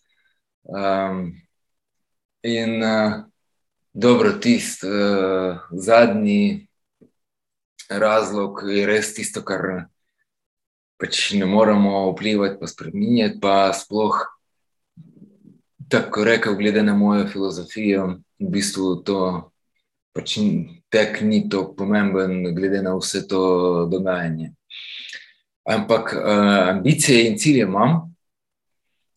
In uh, prvo na prvo, jaz bi odtekel uh, osebni rekord pod uro 20. To je prva naloga. In ne vem, kako mi bo zdaj ratalo. Uh, jaz pos, poskusim, da, da bom to naredil maja. Če ne, pa če le, poleti dvomim, da mi bo šlo, ampak če ne, potem pač to bo naloga za jesen. Ampak če bo to naloga za jesen, bom jaz še premaknil cilj na uro 18. Uh, za dolgoročni cilj, uh, spet glede na ne veš, kako, kako, kako se bo življenje spremenjalo, ampak dolgoročni cilj imam jaz uh, v bistvu uro 15, da tečem. Ampak, uh, ko sem jaz zatekel, a veš, kako zelo zanimivo. Uh, leta 2010, ko sem jaz prišel v ta športni klub in uh, moj uh, trener v tem klubu je rekel, takrat. Uh, Takrat uh, nas je bilo tri bolj hitrih v tem klubu. In uh, en fant je bil boljši za dolge teke, za 1000, pa 1500, za 400 metrov je bil bolj slab. In ta trener je rekel, da, da mi, pa še en je bil fant iz Indije, uh, vse, vse teke, vse razdalje je bil boljši kot jaz. In 400 in 800 in polovico je tekel hitreje. In ta trener je rekel, da mi tri lahko tečemo uro deset. Pa, to je pa že na meji profesionalnega. Ja, ja. Jaz zdaj uh, sploh ne sanjam o tem, uh, ker drugače bi, mo bi mogel biti, uh, ne vem, kakšen kilometr delati, vem, ampak ne bom. Uh, realen, realen dolgoročni cilj. Uh, če gledano recimo za dve leti, za leto in pol, je ura 15. Pač za to jesen, če, če se bo vse zamaknilo za jesen, če spomladi mi nič ne bo ratalo, bo uh, ura 18. Spoštovanja, redni cilji. Jaz sem, jaz sem v taki skupini, kjer to se da doseči. Ja, če že omenjamo skupino, prej si omenil, da je na potem ne o govorimo o Denu, Lenartu in ne kršinar iz Happy ja. Gima. Ti si tudi del te ekipe, kaj naj treniraš, pa reko praktično s profesionalkami uh, na stezi in tudi na cesti. Uh, ja, imam, uh, imam srečo. Imam srečo in den uh, sem dobil, uh, pa ne jo uh, z Lauro. Uh, ne jo z Lauro sem, sem srečal na Instagramu na to dejana, ker jaz kot tujec v Sloveniji moram uh, širiti uh, ljudi, ki jih poznam. Mo, mo, mrežo, ja, mor, moram biti, biti odprt za ljudi, za komunikacijo. In zato uh, tudi sem šel na tečaj masaže, sem šel na drug tečaj, sem prvo na prvo, jaz širim, uh, svo, uh, širim, kot bi rekel, ja, svoje kontakte. Ja, svo, networking. networking ja. Drugo, zaradi jezika. Čim več, to je težko, ti res. Ti po pravici povem, uh, tako glavo imam jaz, ker živim v bistvu v tujem jeziku. Tudi če, ga, tudi če govorim in razumem in pišem in poznam, dovolj dobro, ampak jaz tudi vem, da uh, celo življenje bom, ga bom učil. In uh, vem, da v celem življenju ne bom vsega izvedel in ne bom tako kot, tak kot vi. Ampak se bom trudil in zato povsod hodim, povsod vse uh, spremljam, sledim, berem, knjige v slovenščini celo imam. In uh, isto socialna mreža, tam sem videl Nejo, Lauro in Dejana. In Dejanu sem napisal eno sporočilo, to je bilo približno malo več kot eno leto nazaj, da bom na tem študiju, na tem izobraževanju imel prakso, da moramo narediti prakso. In uh, sem mu napisal v bistvu za dve stvari. Da rad bi, treni, da rad bi treniral in tekel v skupini kot tekač, in uh, za to prakso, uh, zaradi tega izobraževanja. In Dejan se je lepo odzval in sem mu res zelo hvaležen. Dejan, hvala ti lepa, če boš poslušal, videl, res se zelo zahvaljujem, sem zelo zadovoljen, tudi če je kaj narobe, se upravičujem, Dejan. Um, ampak res si me sprejel lepo in zato, da si bil tako odziven takrat in še zdaj si zelo odziven, hvala ti lepo, da je. In uh, s, uh, smo začeli takoj. Takoj sem šel v skupino, malo, pa, parkrat uh, sva šla na kakšno kavico, da se pogovarjati, da se spoznava, da, je, da, da so stvari dorečene da ni kakšnih dvomov, dvomov, nesporazumov, pa, pa vsega tega. In pač do zdaj, ja, ok, zdaj sem malo padel ven s temi vsemi uh, mojimi spremembami, ampak uh, do zdaj pač je vse v redu. Uh, skupino treniram, uh, tudi gledam, kako da jim trenira, kakšne naloge, katere naloge daje, kako se odnaša z atleti. Vse pač spremljam in v bistvu imam, imam zelo dober vzorec, kako, kako naj vse poteka, kako se pravilno vse izvede. Pač se, se trudim, da vse gledam, da poslušam. In prakso sem izvedel uh, z njim, dnevnike sem pisal, on je vse pogledal, in uh, fakulteta je sprejela. Nisem imel kakšnih težav ali vprašanj. Ja, seveda, če trenira človek, najboljša maratonka Slovenije zdaj. In jaz sem iskreno zelo zadovoljen, hvaležen, da imam tako srečo, da, da pridem na trening in treniram z nejo, s skupino, z mlajšim, da gledam z vseh vidikov, z, z strani jezika, strani networkinga, strani, da, da kaj povem sam, da mi nekdo pove, uh, kako poteka življenje, sploh v Sloveniji, ker se še zmeraj učim, še sem, sem še zmeraj tujec. Um.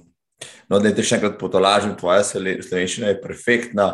Nikoli se ne bi mislil, da uh, uh, si jo lahko osvojil v tako kratkem času in tako široko in globoko, no, uh, da se lahko mi da pogovarjava. Uh, praktično, ja, to, te, to govorim čisto iskreno. Um, govoriš v treningih o, o Happy Gymu. Uh, povej mi, ja. kje najraje tečeš, uh, zdaj v Ljubljani, ko si. In kaj naj teče? Prej si rekel, da rad uživaš pri teku, pa kaj da le, kakšen je tvoj najljubši trening, če bi ga morali zdaj le izbrati, in kje bi ta bil? Hm, zelo dobro vprašanje. Uh, vem, ker ni najbolj uh, uh, lažje, pa dober za me. Ne, ne vem, najmanj živam se mi zdi v lahkotnem teku, izi teku. Ne vem, če imam kakšen, uh, kakšen uh, izi, pač uh, izi nalogo ne vem, jo naredim, ampak to, da res uživam, uh, zelo imam rad hitrost. Na to sem ciljal, ja, da poveš. Zelo imam rad, zelo imam rad hitrost. In uh, jeseni, ko recimo, smo, uh, ne imela priprave na maraton, uh, res sem užival na stadionu z, z intervali. Z Če je on, ja, dobro, ona je maratonka in uh, dolge intervale jaz ne morem z njo. Tudi zdaj, če bom šel, ne, ne zdržim. Ampak, če, ma, če se malo pri, mal prilagodim uh, trening, pa dolžine intervalov, uh, meni zelo paše. Uživam in res sem zadovoljen. Da, ja, ne vem, mogoče zato, da še imam službo, pa malo te, težko glavo, zato da se sprostim, potrebujem nek, nek resen trening. Zato da res se sprostim, da iz, izklopim uh, misli, da, da samo pač. Kako se reče, furaš. Furaš, polno, bravo, bravo. Ja. Ja, da ga žgeš na polno. Ja. Ja. Um, Glede na to, treniraš, nastopaš Sloveniji, si najbrž nastopil že na več tekaških prireditvah. Ja. Imáš kakšne ljubeti tekaške prireditve, na, take, na katere imaš lepe spomine, ali pa so ti res uh, uh, pri srcu, da na njih večkrat potem zahajaš? Ja, že imam celo priljubljene, pa uh, že tako tradicionalne tekmovanja. No. Uh, uh, ti uh, prvo napravo povem vse, potem pa malo razložim posebej za vsako. Obvezno, obvezno bom šel na istrski, uh, tam obvezno bom tekel polovico. Uh -huh. uh, potem obvezno grem na ultra trail v Pava Veli, obvezno. Na katero razdaljo? Uh, 30 km. Uh, dvakrat sem jo že pritekel, potem uh, enkrat je bila korona, pa potem drugič tudi in se jo predstavili na jesen. Takrat sem tekel kratko progo in ni bila. Sem mislil, da mi bo boljše, ampak ker sem se nameraval, da preklopim malo bolj na hitrost uh, in sem si izbral kratko, 14 km, ampak ne vem ni mi pasalo. In verjetno bom šel, ja, ni verjetno, sem imam že prijavo, kljub temu imam za 30. Uh, ja, ja. Ja, in obvezno bom šel uh, avgusta HG Trail Idrija, tam tudi 30 km. To je za me, če, uh, tudi če sem se preselil iz Idrija, ampak vseeno za me je to domača tekma in obvezno grem tja. Na prvi, na drugi tekmi sem bil in uh, letos tudi pridem, uh, obvezno tudi 30 km. In seveda bom šel na Ljubljansko polovico.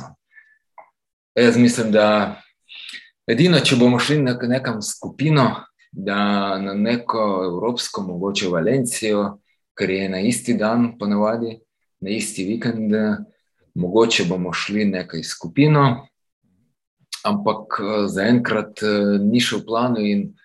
Če ne bo kakšnega res dobrega takega načrta, potem bom šel na Ljubljansko polovico. Eh, letos bom še poskusil kot Česko Outdoor festival, tam prvič bo ta trail tek, bom šel tudi 30 kot tam. In mislim, da tam ne bom imel težav, ker višince ni tako veliko, tisoč imajo višince v Vipavi pa 1600, se mi zdi, ali 1500, to je že malo bolj. Na hart, ja. ja. ja, ja, ja. In uh, seveda za, Kopr, za istrski maraton Kopru, moram povedati, to je to. Prva je bila tekma v Sežani, moja v Sloveniji, ampak ne vem, mi ni bila všeč, ne vem zakaj. Ne morem, ne morem če, če, če ne paše, če, če nekaj. Se počutim nekako nerodno tam, pač ne vem. Pa letos, ne vem, organizator je tam, a, mogoče, mogoče kaj ne robi, pa vem, ampak nekako tako. Obveščajo, pa sporočajo slabo novice, kako, kdaj bo naslednja tekma, datumi, prijava in vse to. Ampak najbolj sem bil navdušen s svojo drugo tekmo v Sloveniji. Eh, mi pa so se preselila januarja, eh, pet let nazaj, in aprila sva šla na istrski maraton v Kopru, sončno, lepo. Morje. Taka, ja. morje pa, uh, meni se zdi po občutku malo mal drugačen uh,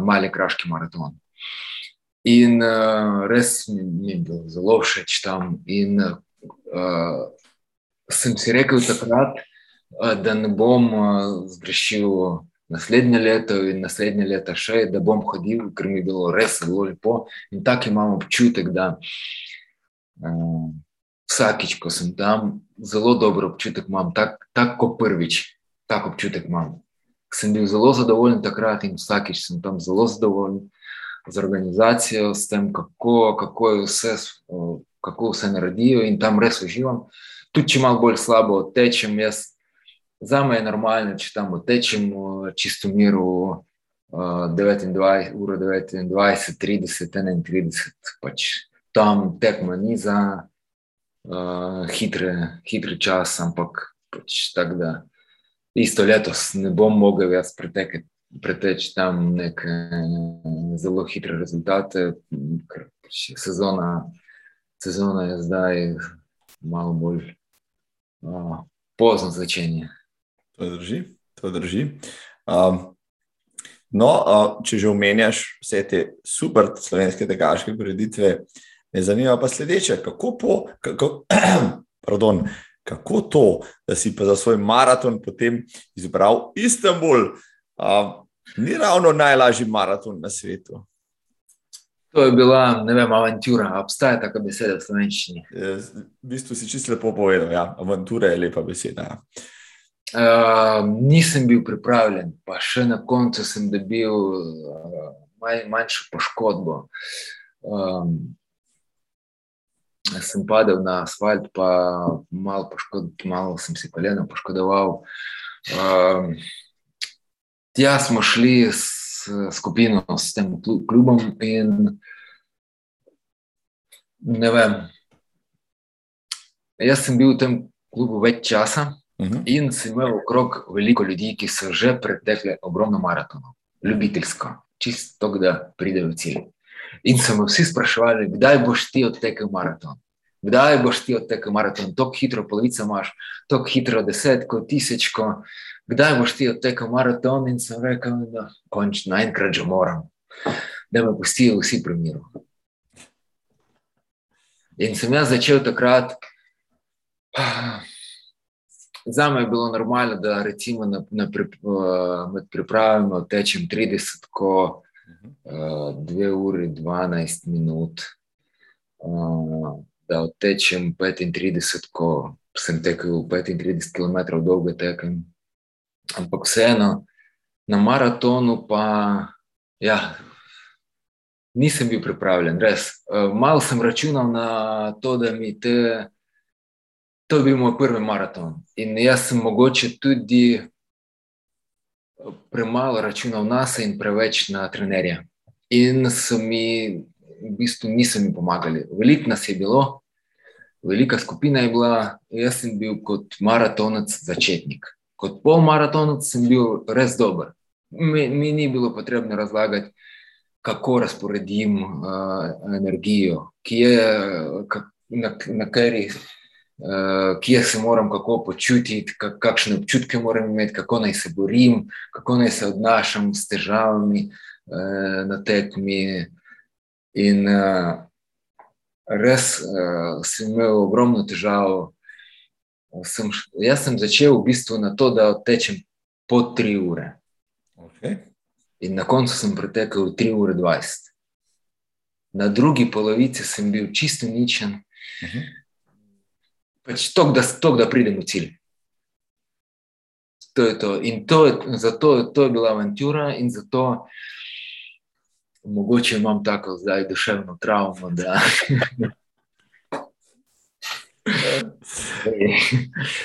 um, ja. To je pač resnica, nimam kaj povedati. In uh, zdaj, ko vidim, kako trenira ne.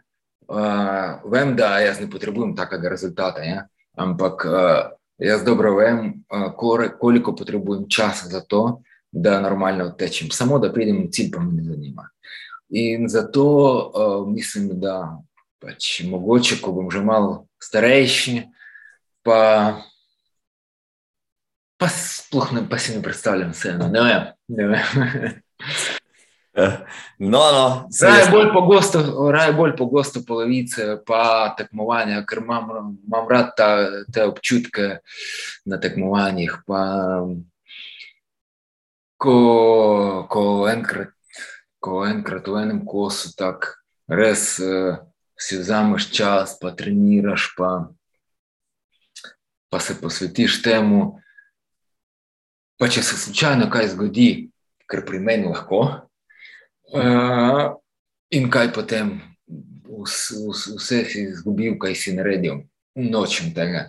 In raje pač imam bolj pogosto tekmovanje, bolj pogosto grem, pač tudi če včasih bolj hitro, včasih bolj počasi, ampak da hodim na tekmovanje, uh -huh.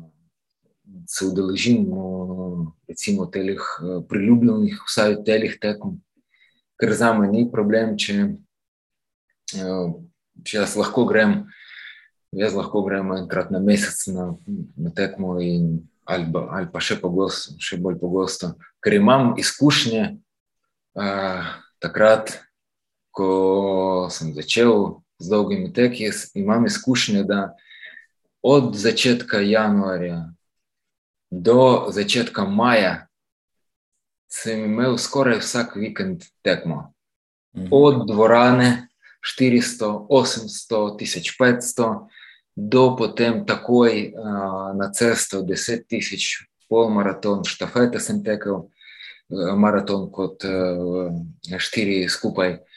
In imam uh, v, recimo, v treh mesecih vsak vikend 12 tekem sem imel. In uh, tako da raz, razne, razne izkušnje imam in uh, res raje hodim uh, na take polovice, pa desetke, pa kakšne traile, kot uh, treniram maraton. Pa, ja, dobro, tam tudi lahko kot test ali priprava mhm, ali preverjanje hodiš, ampak vseeno v glavi ti imaš uh, maraton. Ne smeš narediti napake, ne smeš. Ja, ne vem. Jaz res uh, ne vidim, da v kakšnih bližjih letih odteče maraton. Jaz ne vidim tega. No, se je morda, če se bo še dolgo časa družil z Nejo Kršinar, ja, pa te ona pripriča. Da bom dobil to bolezen, ne? Slej, ko vrej, ja, je nalezljiva, ne toliko kot korona, včasih pa še bolj. Ja. Je pa kronična potem, no, ko se jo nalezeš, je pa kronična in se jo ne znebiš nikoli. Um, uh, lepo, si, lepo si tole povedal, pa popisal tole svojo um, neko tekaško pot, tekaško kariero. Um, še ena tvoja posebnost je, ne, ki jo moram omeniti, pa življenjski stil. Boš sam povedal, je veganstvo samo način prehrane ali tudi tvoj način življenja? Uh, to je tudi način življenja. Uh, uh, ja, vegan sem že šest let ali sedem. Dve leti prej pa uh, sem bil vegetarijanec. In vegetarijanstvo sploh ni težava, ker uh, tukaj ni, brez mesa si lahko skuhaš, pa živiš uh, res enostavno. Ko se dotikaš pa naslednjih stvari, takih kot mleko, pa jajca, moraš bolj podrobno brati uh, sestavine. In uh, zato zelo malo kupujemo uh, pripravljene hrane. Uh, ne vem, jaz v bistvu. Uh, za me je to, po mojem mnenju, je to uh, tak, tak pogovor, kot če govorimo o religiji. Uh, pa mogoče še bolj, mogoče še bolj tak. Uh, uh, bolj tak stabilen, pa trd uh, pogovor. Ker uh, na maš, na ma, k maši hodimo, hod, ali jaz ne, ampak ljudje hodijo enkrat na teden, pa misli včasih imajo uh, vsak svojega Boga. Jemo pa veliko časa, uporabljamo, uporabljamo vse v življenju, pač oblačila, pa vse Stalina. In s hrano, s hrano mi lahko pač naredimo veliko sprememb, kot za sebe, tako za, druž, za uh, družbo, za živali. In uh, jaz, uh, vegetarijanec, uh, sem bil dve leti prej, in potem sem si začel razmišljati, lahko, kako lahko še več, kako lahko izboljšam uh, svoje prehranjevanje in kako lahko še več pomagam in planetu, in živalim, in sebi. In, uh, Samo moraš vedeti tudi to, da uh, niti enkrat ni, nisem rekel, pač nikoli, da se nekdo mora pridružiti temu ali še nekaj. Uh, jaz samo kot, kot vzorec. Gled, kot primer, ja, ja, uh, ljudje lahko gledajo, pač vidijo tisto, kar vidijo, in tako kar si zaželijo videti, ker lahko malo a, zapremo oči na neke stvari, malo vidimo vse na bolj svoj način, isto jaz. Ampak meni men je, men je res žalostno, ljudje smo taki, progres a, nas pelje, nas, nas pelje do, ne, do nekega boljšega življenja, naše zanimanje. Nas, a, na splošno človeštvo, kaj je ne vem, ko smo odkrivali nekaj nova ozemlja. Nas je zanimalo, kaj je za tem hribčkom, pridemo na ta hribček, kaj je, da, kaj je potem, kaj je za, te, tem morjem. Vse nas je zanimalo. In meni je res žalostno, da glede prehranjevanja pa nas nič ne zanima. Ne, ne, ne govorim, da se nismo spremenili, da se nismo izboljšali, ampak da nismo pregledali neke temeljne osnove tega. In da smo v bistvu inercija za, za vsakega posameznika in za družbo in za človeštvo, po mojem mnenju, ni najboljša. Uh, ni najboljša varianta, da, da mi samo delamo tisto, kar so delali prej, ali, ali, ali pa malo izboljšamo tisto ne pregledujemo, pa, ne, pa, ne, pa kritično ne gledamo na neke osnove uh, prehranjevanja. In uh, to, to me zelo zanimalo, in zato jaz, tudi, jaz se tudi uh, v bistvu ne samo prehranjujem na tak način, ker drugače se mi zdi temu reči plant-based. Veganstvo pa je, po mojem mnenju, bolj širok pojem.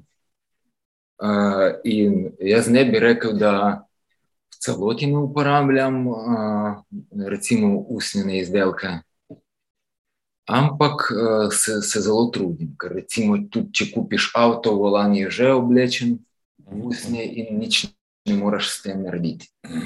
Ampak, uh, recimo, kot, uh, kot odrasel človek, jaz že ne kupujem usnjene izdelke. Jaz že ne uporabljam, uh, recimo, ne vem, kakšen, kakšna sredstva uh, za, kako se reče temu, za vem, pranje, gledam. Pa, vse te jaz pregledujem, da je cruelty free, uh -huh. uh, da, je, da je vegansko. Uh, in uh, za me je to pomembno, da jaz tudi s svojim denarjem podpiram ta podjetja, ki um, spoštujejo živali, ki spremenjajo svet na boljši, uh, ki potrebujejo podporo, ker uh, se mi zdi, da ni dovolj, da jaz samo nekaj govorim ali pa objavljam in, uh, ne glasujem s svojim denarjem. Vsak, vsak ima to moč, In jaz vem, da če mi ne delamo nekaj uh, dobrega, nekaj za, z, z dobrim namenom, v tem času se dogaja nekaj slabim namenom. In jaz imam tako občutek, da jaz vseeno bom nekaj kupil, jaz vseeno bom nekaj po, smo potrošniki. Lahko pa izboljšam nekaj in lahko podprem tistega, ki izboljšuje naše življenje, ki izboljšuje uh, uh, poštene, dobre odnose uh, do, in do planeta, in do uh, podnebja, in do živali, in do drugih ljudi. In se trudim, da tudi glasujem z denarjem, podpiram uh, vse, uh, kar, vse, kar lahko podprem, vse, kar kar se mi da podpreti, koliko imam energije za to. In eh, vidim, da eh, to meni tudi prinaša neko, neko bolj umirjenost. Ne vem, nekako tako. Tole si povedal izvrstno. No? Marsikaj mi je šlo čez možgane, ko si tole govoril. Mm, zelo lepo si povedal, glasuj z denarjem, put your money where your mouth is, ja. kako bi že rekli angliži oziroma ja. američani. Se... Ali pa rečejo še vote with your money. Vote with your money, ja, tako, tako. Uh, to se mi zdi pošten pristop k čemkoli že zagovarjaš. Je prav, da tudi delaš tako, najboljši zgled je, uh, uh, Volodimir, vrhunsko si tole povedal. Ne glede na to, da prihajam iz drugega tabora, mesojedcev, se prav gotovo marsičem strinjava. Na zdravje. Nimam, nimam nič proti. Jaz, a, a veš, jaz poznam ljudi, ki, ki recimo ne morejo za mizo uh, z ostalimi. Takih recimo težav jaz nimam. Jaz vem, vsak mora imeti pravico do svoje izbire in naj izbira na zdravje. Nimam nič proti. Uh mhm. -huh. In za me je to pomeni samo, da sem pač. Uh, ali slab vzorec, ali uh, pač nisem prišel v nek stik s človekom, ampak nikoli ne govorim, da mora nekaj. In zato mi je žal, da včasih uh, slišim uh, od, druge, od drugih ljudi, da mi nekaj rečejo, zakaj je to, zakaj je to, zakaj je to. In res zelo malo. Um, Se zelo malo borim z nekom, pa razlagam preveč, uh mhm. -huh. ker ni to, ni, nimam sploh namena, da nekoga prepričam. Jaz se ne borim in ni, nikomu nič ne dokazujem, samo delam zase, tako kot si mislim, in za uh, družbo, tako kot si mislim, če sem kaj narobe, za koga naredil. Dvomim, ampak uh, in isto za, podnebne, za podnebje, in isto za živali, in isto za družino, za ženo, za sebe. Pač izbiram take izdelke, ki ne škodijo, maksimalno, kar je to mogoče, seveda. Ampak nihče ni rekel, da mi. Vsaka, spremem, uh, vsaka pot lahko vodi k nekemu boljšemu, lahko k nekemu boljši, neki boljši prihodnosti. Nobene spremembe ni bilo takoj. In uh, jaz, jaz lahko uh, grem po tej poti. Ne vem, kaj bo, vemo, kaj bo, če bom nadaljeval po stari poti, tako kot delajo vsi, tako kot smo navajeni, tako kot je bila navajena moja mama, njena mama in tako naprej. Lahko to nadaljujem, lahko grem, ni noben problem. Ampak ni to moja pot. Tako bi rekel pošteno, lepo si to povedal, uh, stojiš za svojimi besedami, svojimi dejanji in to se mi zdi uh, najboljša možna pot, ki jo lahko izbereš. Ampak, da se, dragi Volodimir, vrneš še malo k teku, si, ja. bil, si bil atlet, si bil um, si cestni tekač, maratonec celo, kljub vsemu. Da praviš, da razdalje ne maraš preveč, ampak nič ne dek, lahko se kličeš maratonec. Lahko se kličem. Tako je, zdaj si, si pošteno pridobil. Glede na to, da um, na hitro se spomnim, da je mogoče Sergej Lebi, da je bil ukrajinski tekač, celo svetovni prvak v Krosu, če se ne motim. Večkratni, ja. Večkratni, tako, tako. Tudi slovenski tekači so ga imeli za zgled. Imaš ti mogoče kakega svojega tekaškega idola, katerem, pri katerem si se navdihoval? Um, ja, uh, ampak prvo napravo ti povem, da sem videl Sergeja Lebedja tukaj v Ljubljani. Bravo, tukaj ste se srečali. Ja, ja, ja. In, in uh, ne vem, ampak ne vem, uh, ali štiri leta nazaj, ali tri, ali celo pet, ne vem. Um, ja, takrat, ampak takrat je on odstopil, nažalost, na maratonu. Uh, drugače, on ima res uh, izjemne dosežke v krosu. Se, se mi zdi celo sedemkratni zmagovalec uh, Evropskega prvenstva. Uh, ima, krosu, ima vrhunske dosežke v maratonu, vem, dve uri, devet minut in še nekaj se mi zdi. Uh, ja, to je vesolje. Uh, uh, jaz imam, takrat, ko sem tekel, uh, ko sem bil na faksu, pa sem tekel bolj uh, atletiko, stadionsko, uh mhm. -huh. je bil moj najboljši, priljubljen tekač Jeremy Warner, ameriški tekač na 400 metrov. Res. Uh, ko sem ga gledal, sem bil zelo navdušen, kakšno, kakšen korak ima on, kak, kako teče. In sem bil zelo vesel, takrat je bil je bil on zelo dober, uh, je bil zelo blizu svetovnega rekorda, uh, ni mu pa uspelo. In uh, potem, uh, ne vem, kam je propadel, uh, vem, da je, ima on svoj Instagram. Sem, ne vem, mogoče je imel kakšne zdravstvene težave ali kaj. In, uh, Hitro, uh, hitro je šel iz te, iz te uh, iz te scene, kot bi rekel. Ampak do zdaj imam v glavi, kakšen je, kako lepo je on tekel. Res. Tako je, tak je bil za me vzorec, ker ni bil on zelo suh in ni bil on kot sprinter. In eh, z, eh, blizu njega je bil takrat Lašon Merit, ameriški tekač, ki je imel malo malo drugačen, malo drugačen korak, drugačno tehniko. In uh, takrat jaz nisem videl, da, da bi bil do blizu tega, uh, tega ki, pokazal, ki je imel Jeremy Warner. Res uh, sem bil zelo navdušen z njim. Potem pa, uh, potem pa kaj ne nisem bekelja. Etiopijec, torej, ja. ja. ja. In do zdaj. In da zdaj, uh, tudi če ima on, za me je on, um, jaz si predstavljam, da on človek. Jaz si to predstavljam, da on ima tudi pace, uh, energije, volje, uh, druge težave. On ima predvsem težave s tem, da trenira in tekmuje stabilno. In, ampak prvo naprvo, za me je zelo pomembna.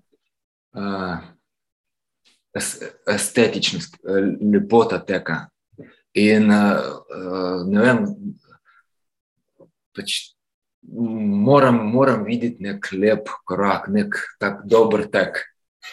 In uh, zato Jeremy Warner, zato Kenny Nisa Bekele, ne glede na mogoče nis, ni najboljše rezultate. Tak. No, joj, koliko spominov, ko si omenil Warner, jaz sem se jaz spomnil, da sem se navdihoval pri Michaelu Johnsonu, ki je imel tudi svoj vrsten stil na 400 ja, metrov. Ja, ja, ja. Meni me je bil totalen, totalno impresiven takrat, ko je postavil in svetovne rekorde in je imel olimpijske medalje. In pa mogoče jaz se spomnim, kako je bil še Hale Gebreselasi, tisti, ki je bil ja. najboljši tekač vseh časov, pa je potem prišel mladi Kenenisa in mu pobral vse rekorde, pa vse lovorike. No, in okay, Nisa je pa je dejal, da še en svetovni rekord bi pa še lahko odtekel. Recimo v maratonu, kjer ste mu zmanjkali dve sekundi v Berlinu, tako da letos gremo v Berlin, pa računam, da ga srečam tam. Pa bom rekel, um, Volodimir Stalinski pravi, Ker ne nisa, imaš to. Evo, tako, ja. um, pa, pa še bi omenil, um, ko sem tekel v Virem, je bil zelo dober en kitajski oviraš, Ljubljana, uh -huh. Uh, ki mi je bil tudi zelo tak, uh, všeč, uh, zato da je imel zelo dobro tehniko teka, zelo dobro je tekel ovire in ni bil tak kot tipičen sprinter, ni imel velikih mišic. Tak, takrat je bil njegov, njegov konkurenca, James Oliver, se mi zdi, Oliver, sigurno vem, primek, ime pa sem pozabil. In mi, to, to je bilo za me tudi z vidika estetike teka, z vidika kako bi naj izgledal idealen tek, je bil za me to kot vzorec. Uh, in ko sem ga gledal, on je imel potem težave, uh, imel veliko poškodb in nažalost je zaključil kariero, ampak je imel tudi olimp, ja, olimpijski rekord, je on dosegel 2004, 12 sekund, 88 eh, tisoč In uh, za me je bil to tudi kot vzorec Severaša. Moram, moramo meniti. Kaj pa, kaj bi komentiral, kar se na Warholma, ki je s tistimi neverjetnimi 45 dni, nekaj, uh, zdaj absolutni svetovni rekorder na 400 z ovirami? Ja, ja, to je že Se mi zdi, da je bila neka pauza v teh, recimo, če govorimo za atletiko, stadionsko, pa 400 metrov, se mi zdi, da je bila neka pauza med, med nekim takim preskokom v te nove rekorde. Ja. In z vidika uh, tehnologije, uh, superg, in z vidika metodike uh, priprav. Jaz mislim, da in to se mi zdi velja skoraj za vse discipline. To je bil en tak preskok v neke, neke nove hitrosti. Recimo, kot pri maratonu, kot jaz razumem, ta preskok je bil narejen predvsem zaradi bolj hitre desetke ali dvanajstke, tam nekje uh, med 28, 30 in pa 40 km. In isto se mi zdi, če govorimo za 400 metrov, se mi zdi ta preskok, preskok je bil narejen predvsem, meni se zdi, zato, da se ne ustavijo v zadnjih 150 metrah.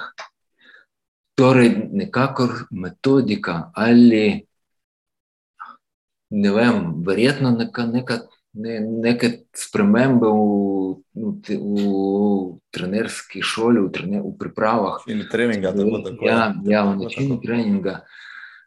Verjetno, verjetno, verjetno trenerji so razmišljali, kje, kje, kje mi izgubljamo, kje, kje je še ta možnost, da mi naredimo nek res, resni preskok, neko naslednjo stopnico, da ne gremo zelo uh, s počasnimi preskoki,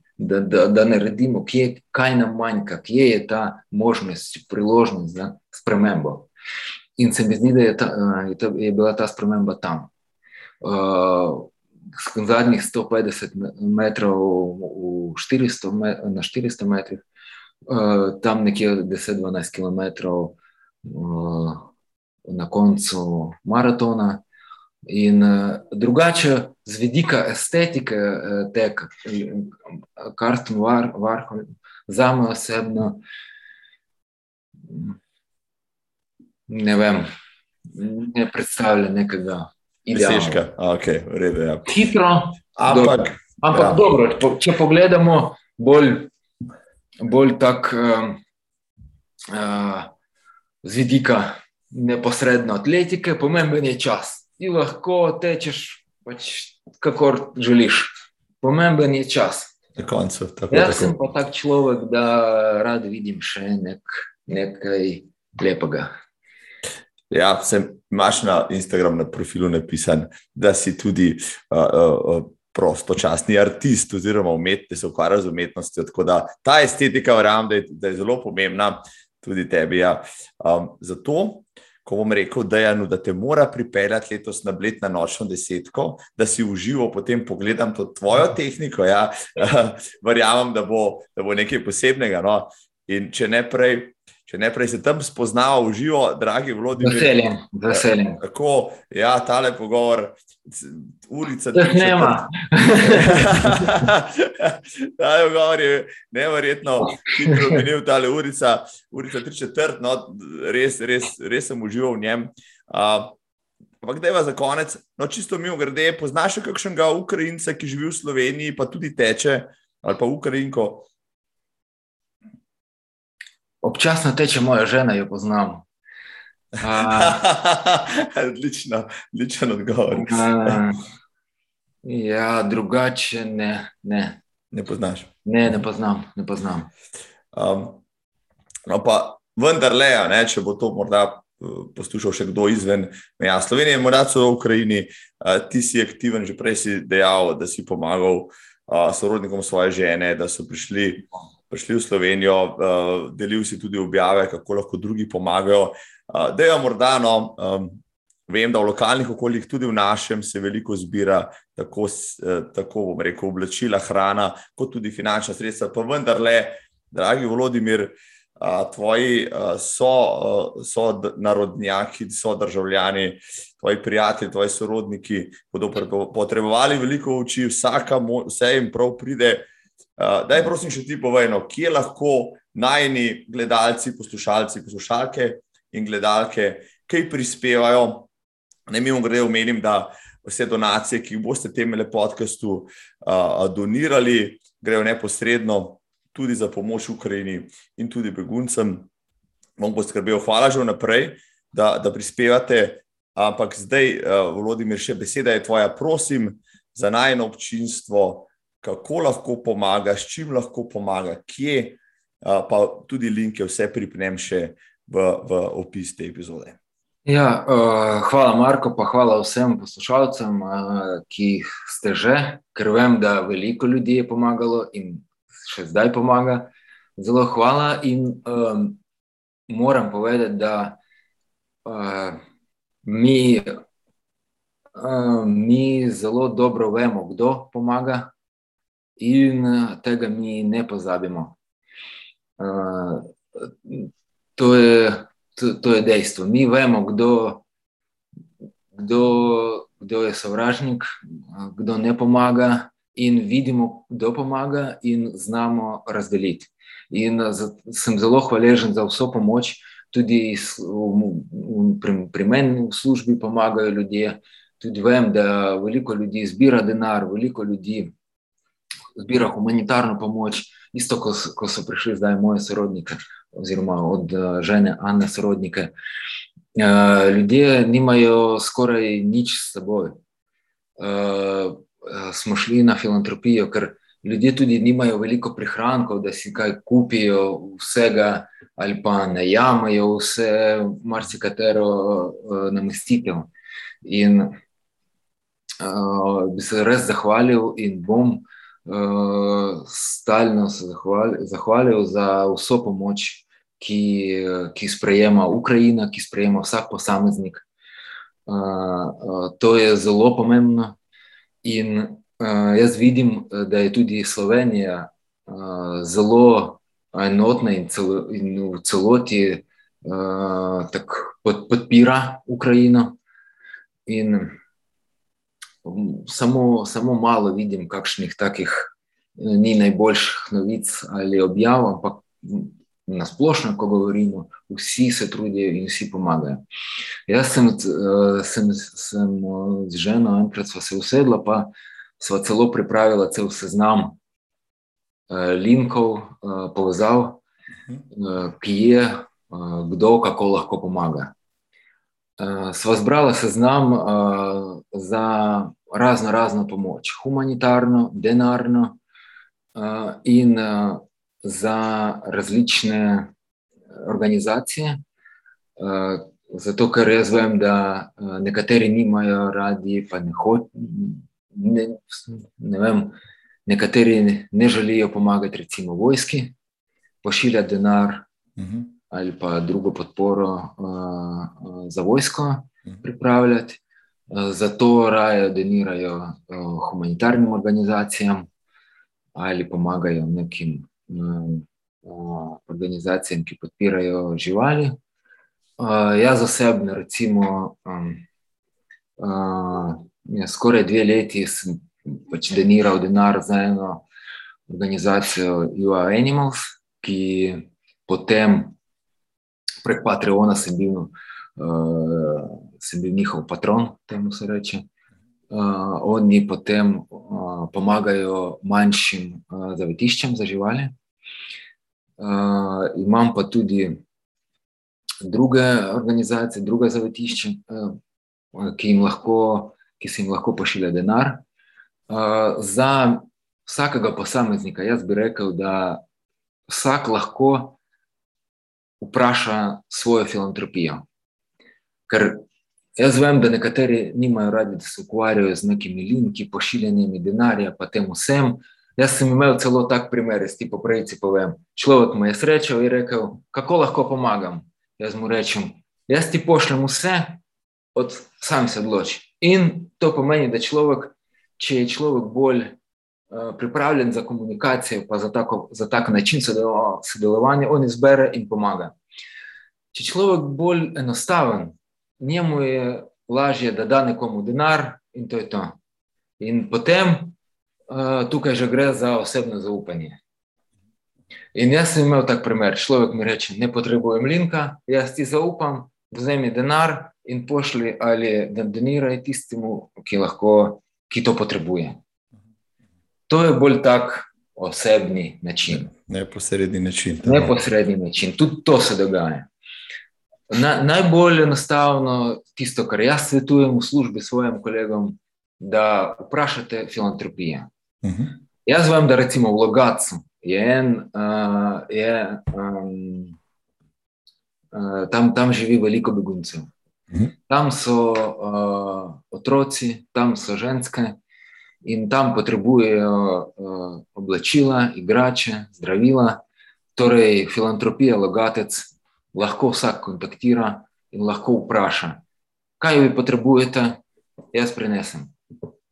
Druga stvar, če recimo ti, naprimer, nekje delaš in imaš zraven več ljudi, bolj če ti en, en, enkrat pokličeš, vprašaš, med svojimi prijatelji zbereš nekaj in to narediš, ker take organizacije kot Rdeči križ, filantropija ali pa pomo, uh, slovenska pomoč Ukrajini na Facebooku stran. Oni dobivajo veliko klicev. In če vsak posameznik pokliče za njih, je to, oni morajo klicni center tam imeti. Je preveč dela, tako da. Je preveč dela. Najboljš, če, eh, če se nekako naredi skupinca, pa en pokliče, vpraša, kaj zdravila. In zbere v njihovem mnenju. Za vse je ja, tako. Upi, recimo, ali pa če ima doma igrače ali majhne otroke če, če uh, mu na filantropiji povejo, da potrebujemo igrače, se zbere skupaj in uh, enkrat se odpelje, in je to to. Drugače, tukaj jaz bi rekel, da moraš, vsak, ki pomaga, mora imeti voljo in energijo za to. Ker uh, jaz, uh, jaz sem imel take primere tudi, da mi nekdo pove, uh, jaz imam to, pa to, pa to. Uh, pridi, uh, se srečamo tam, ok, se srečamo, jaz pridem, pa odpeljem, ni problem. Če smo se dogovorili, človeka ni. Uh -huh, uh -huh. Celo, celo ni napisal, da ne pride. Da ne pride ja. Ja. Jaz, jaz, jaz pa osebno, tudi mene v službi, nekateri so vprašali, kako lahko pomagamo. Jaz sem rekel, prosim, odločite se sami, najdete si eno aktivno osebo, naj bo ona odgovorna. Jaz imam še sorodnike, jaz imam še drugo pomoč, jaz imam še sorodnike v Ukrajini. Ne moram vsega, ne moram. In zato najbolj, če, če se ustvari več manj, manjših skupin, en, ta glavni pokliče, filantropija Slovenija ali pa slovenska pomoč Ukrajini na Facebooku, ker jaz vem, da uh, se zbira humanitarna pomoč, uh, celo uh, tovornjake grejo v Ukrajino, jaz vem, kaj je, ne vem, veliko ton humanitarne pomoči gre, nekaj pa potrebuje tudi tukaj, in mogoče ni potrebno, da gre. Sam se mora pozanimati. Če hočete uh, nekaj narediti, ni dovolj, da samo poveš to. To pomeni, da še neko dejanje od zadaj mora biti. In jaz res, uh, res vidim, da nekateri to delajo, nekaterim pa se ne da. In nič ni, ni problem. Sam pa če rečeš, ni dovolj. Naredi potem, prosim. Če pa ne, nič ne rečeš, dobro, ne, nekdo, nih, nihče ne prisilja, da moraš nekaj narediti. Če pa imaš občutek, pa voljo, pa imaš uh, denar ali nekaj imaš, imaš možnost, potem ni samo uh, govori, ampak prosim, tudi naredi. Po, porabi tisto urco in naredi. No, hvala ti, dragi Vladimir, za te zelo uporabne informacije. Jaz mislim, da smo se vsi ob tem, kar si povedal, malo zamislili, vemo, kaj moramo narediti, kaj je naša naloga. Verjamem, da je veliko poslušalcev, gledalcev uh, tega podcasta, ki so že ali pa še bodo prispevali svoj košček k ublažitvi pač, uh, uh, problemov, ki jih povzroča ta vojna, tragedij. Uh, tukaj, tukaj, tukaj, Marko, ni uh, kakšnih skrivnosti. Je, celo na mojem Facebooku, jaz zdaj, meni se ne da nič objavljati, razen vsega tega.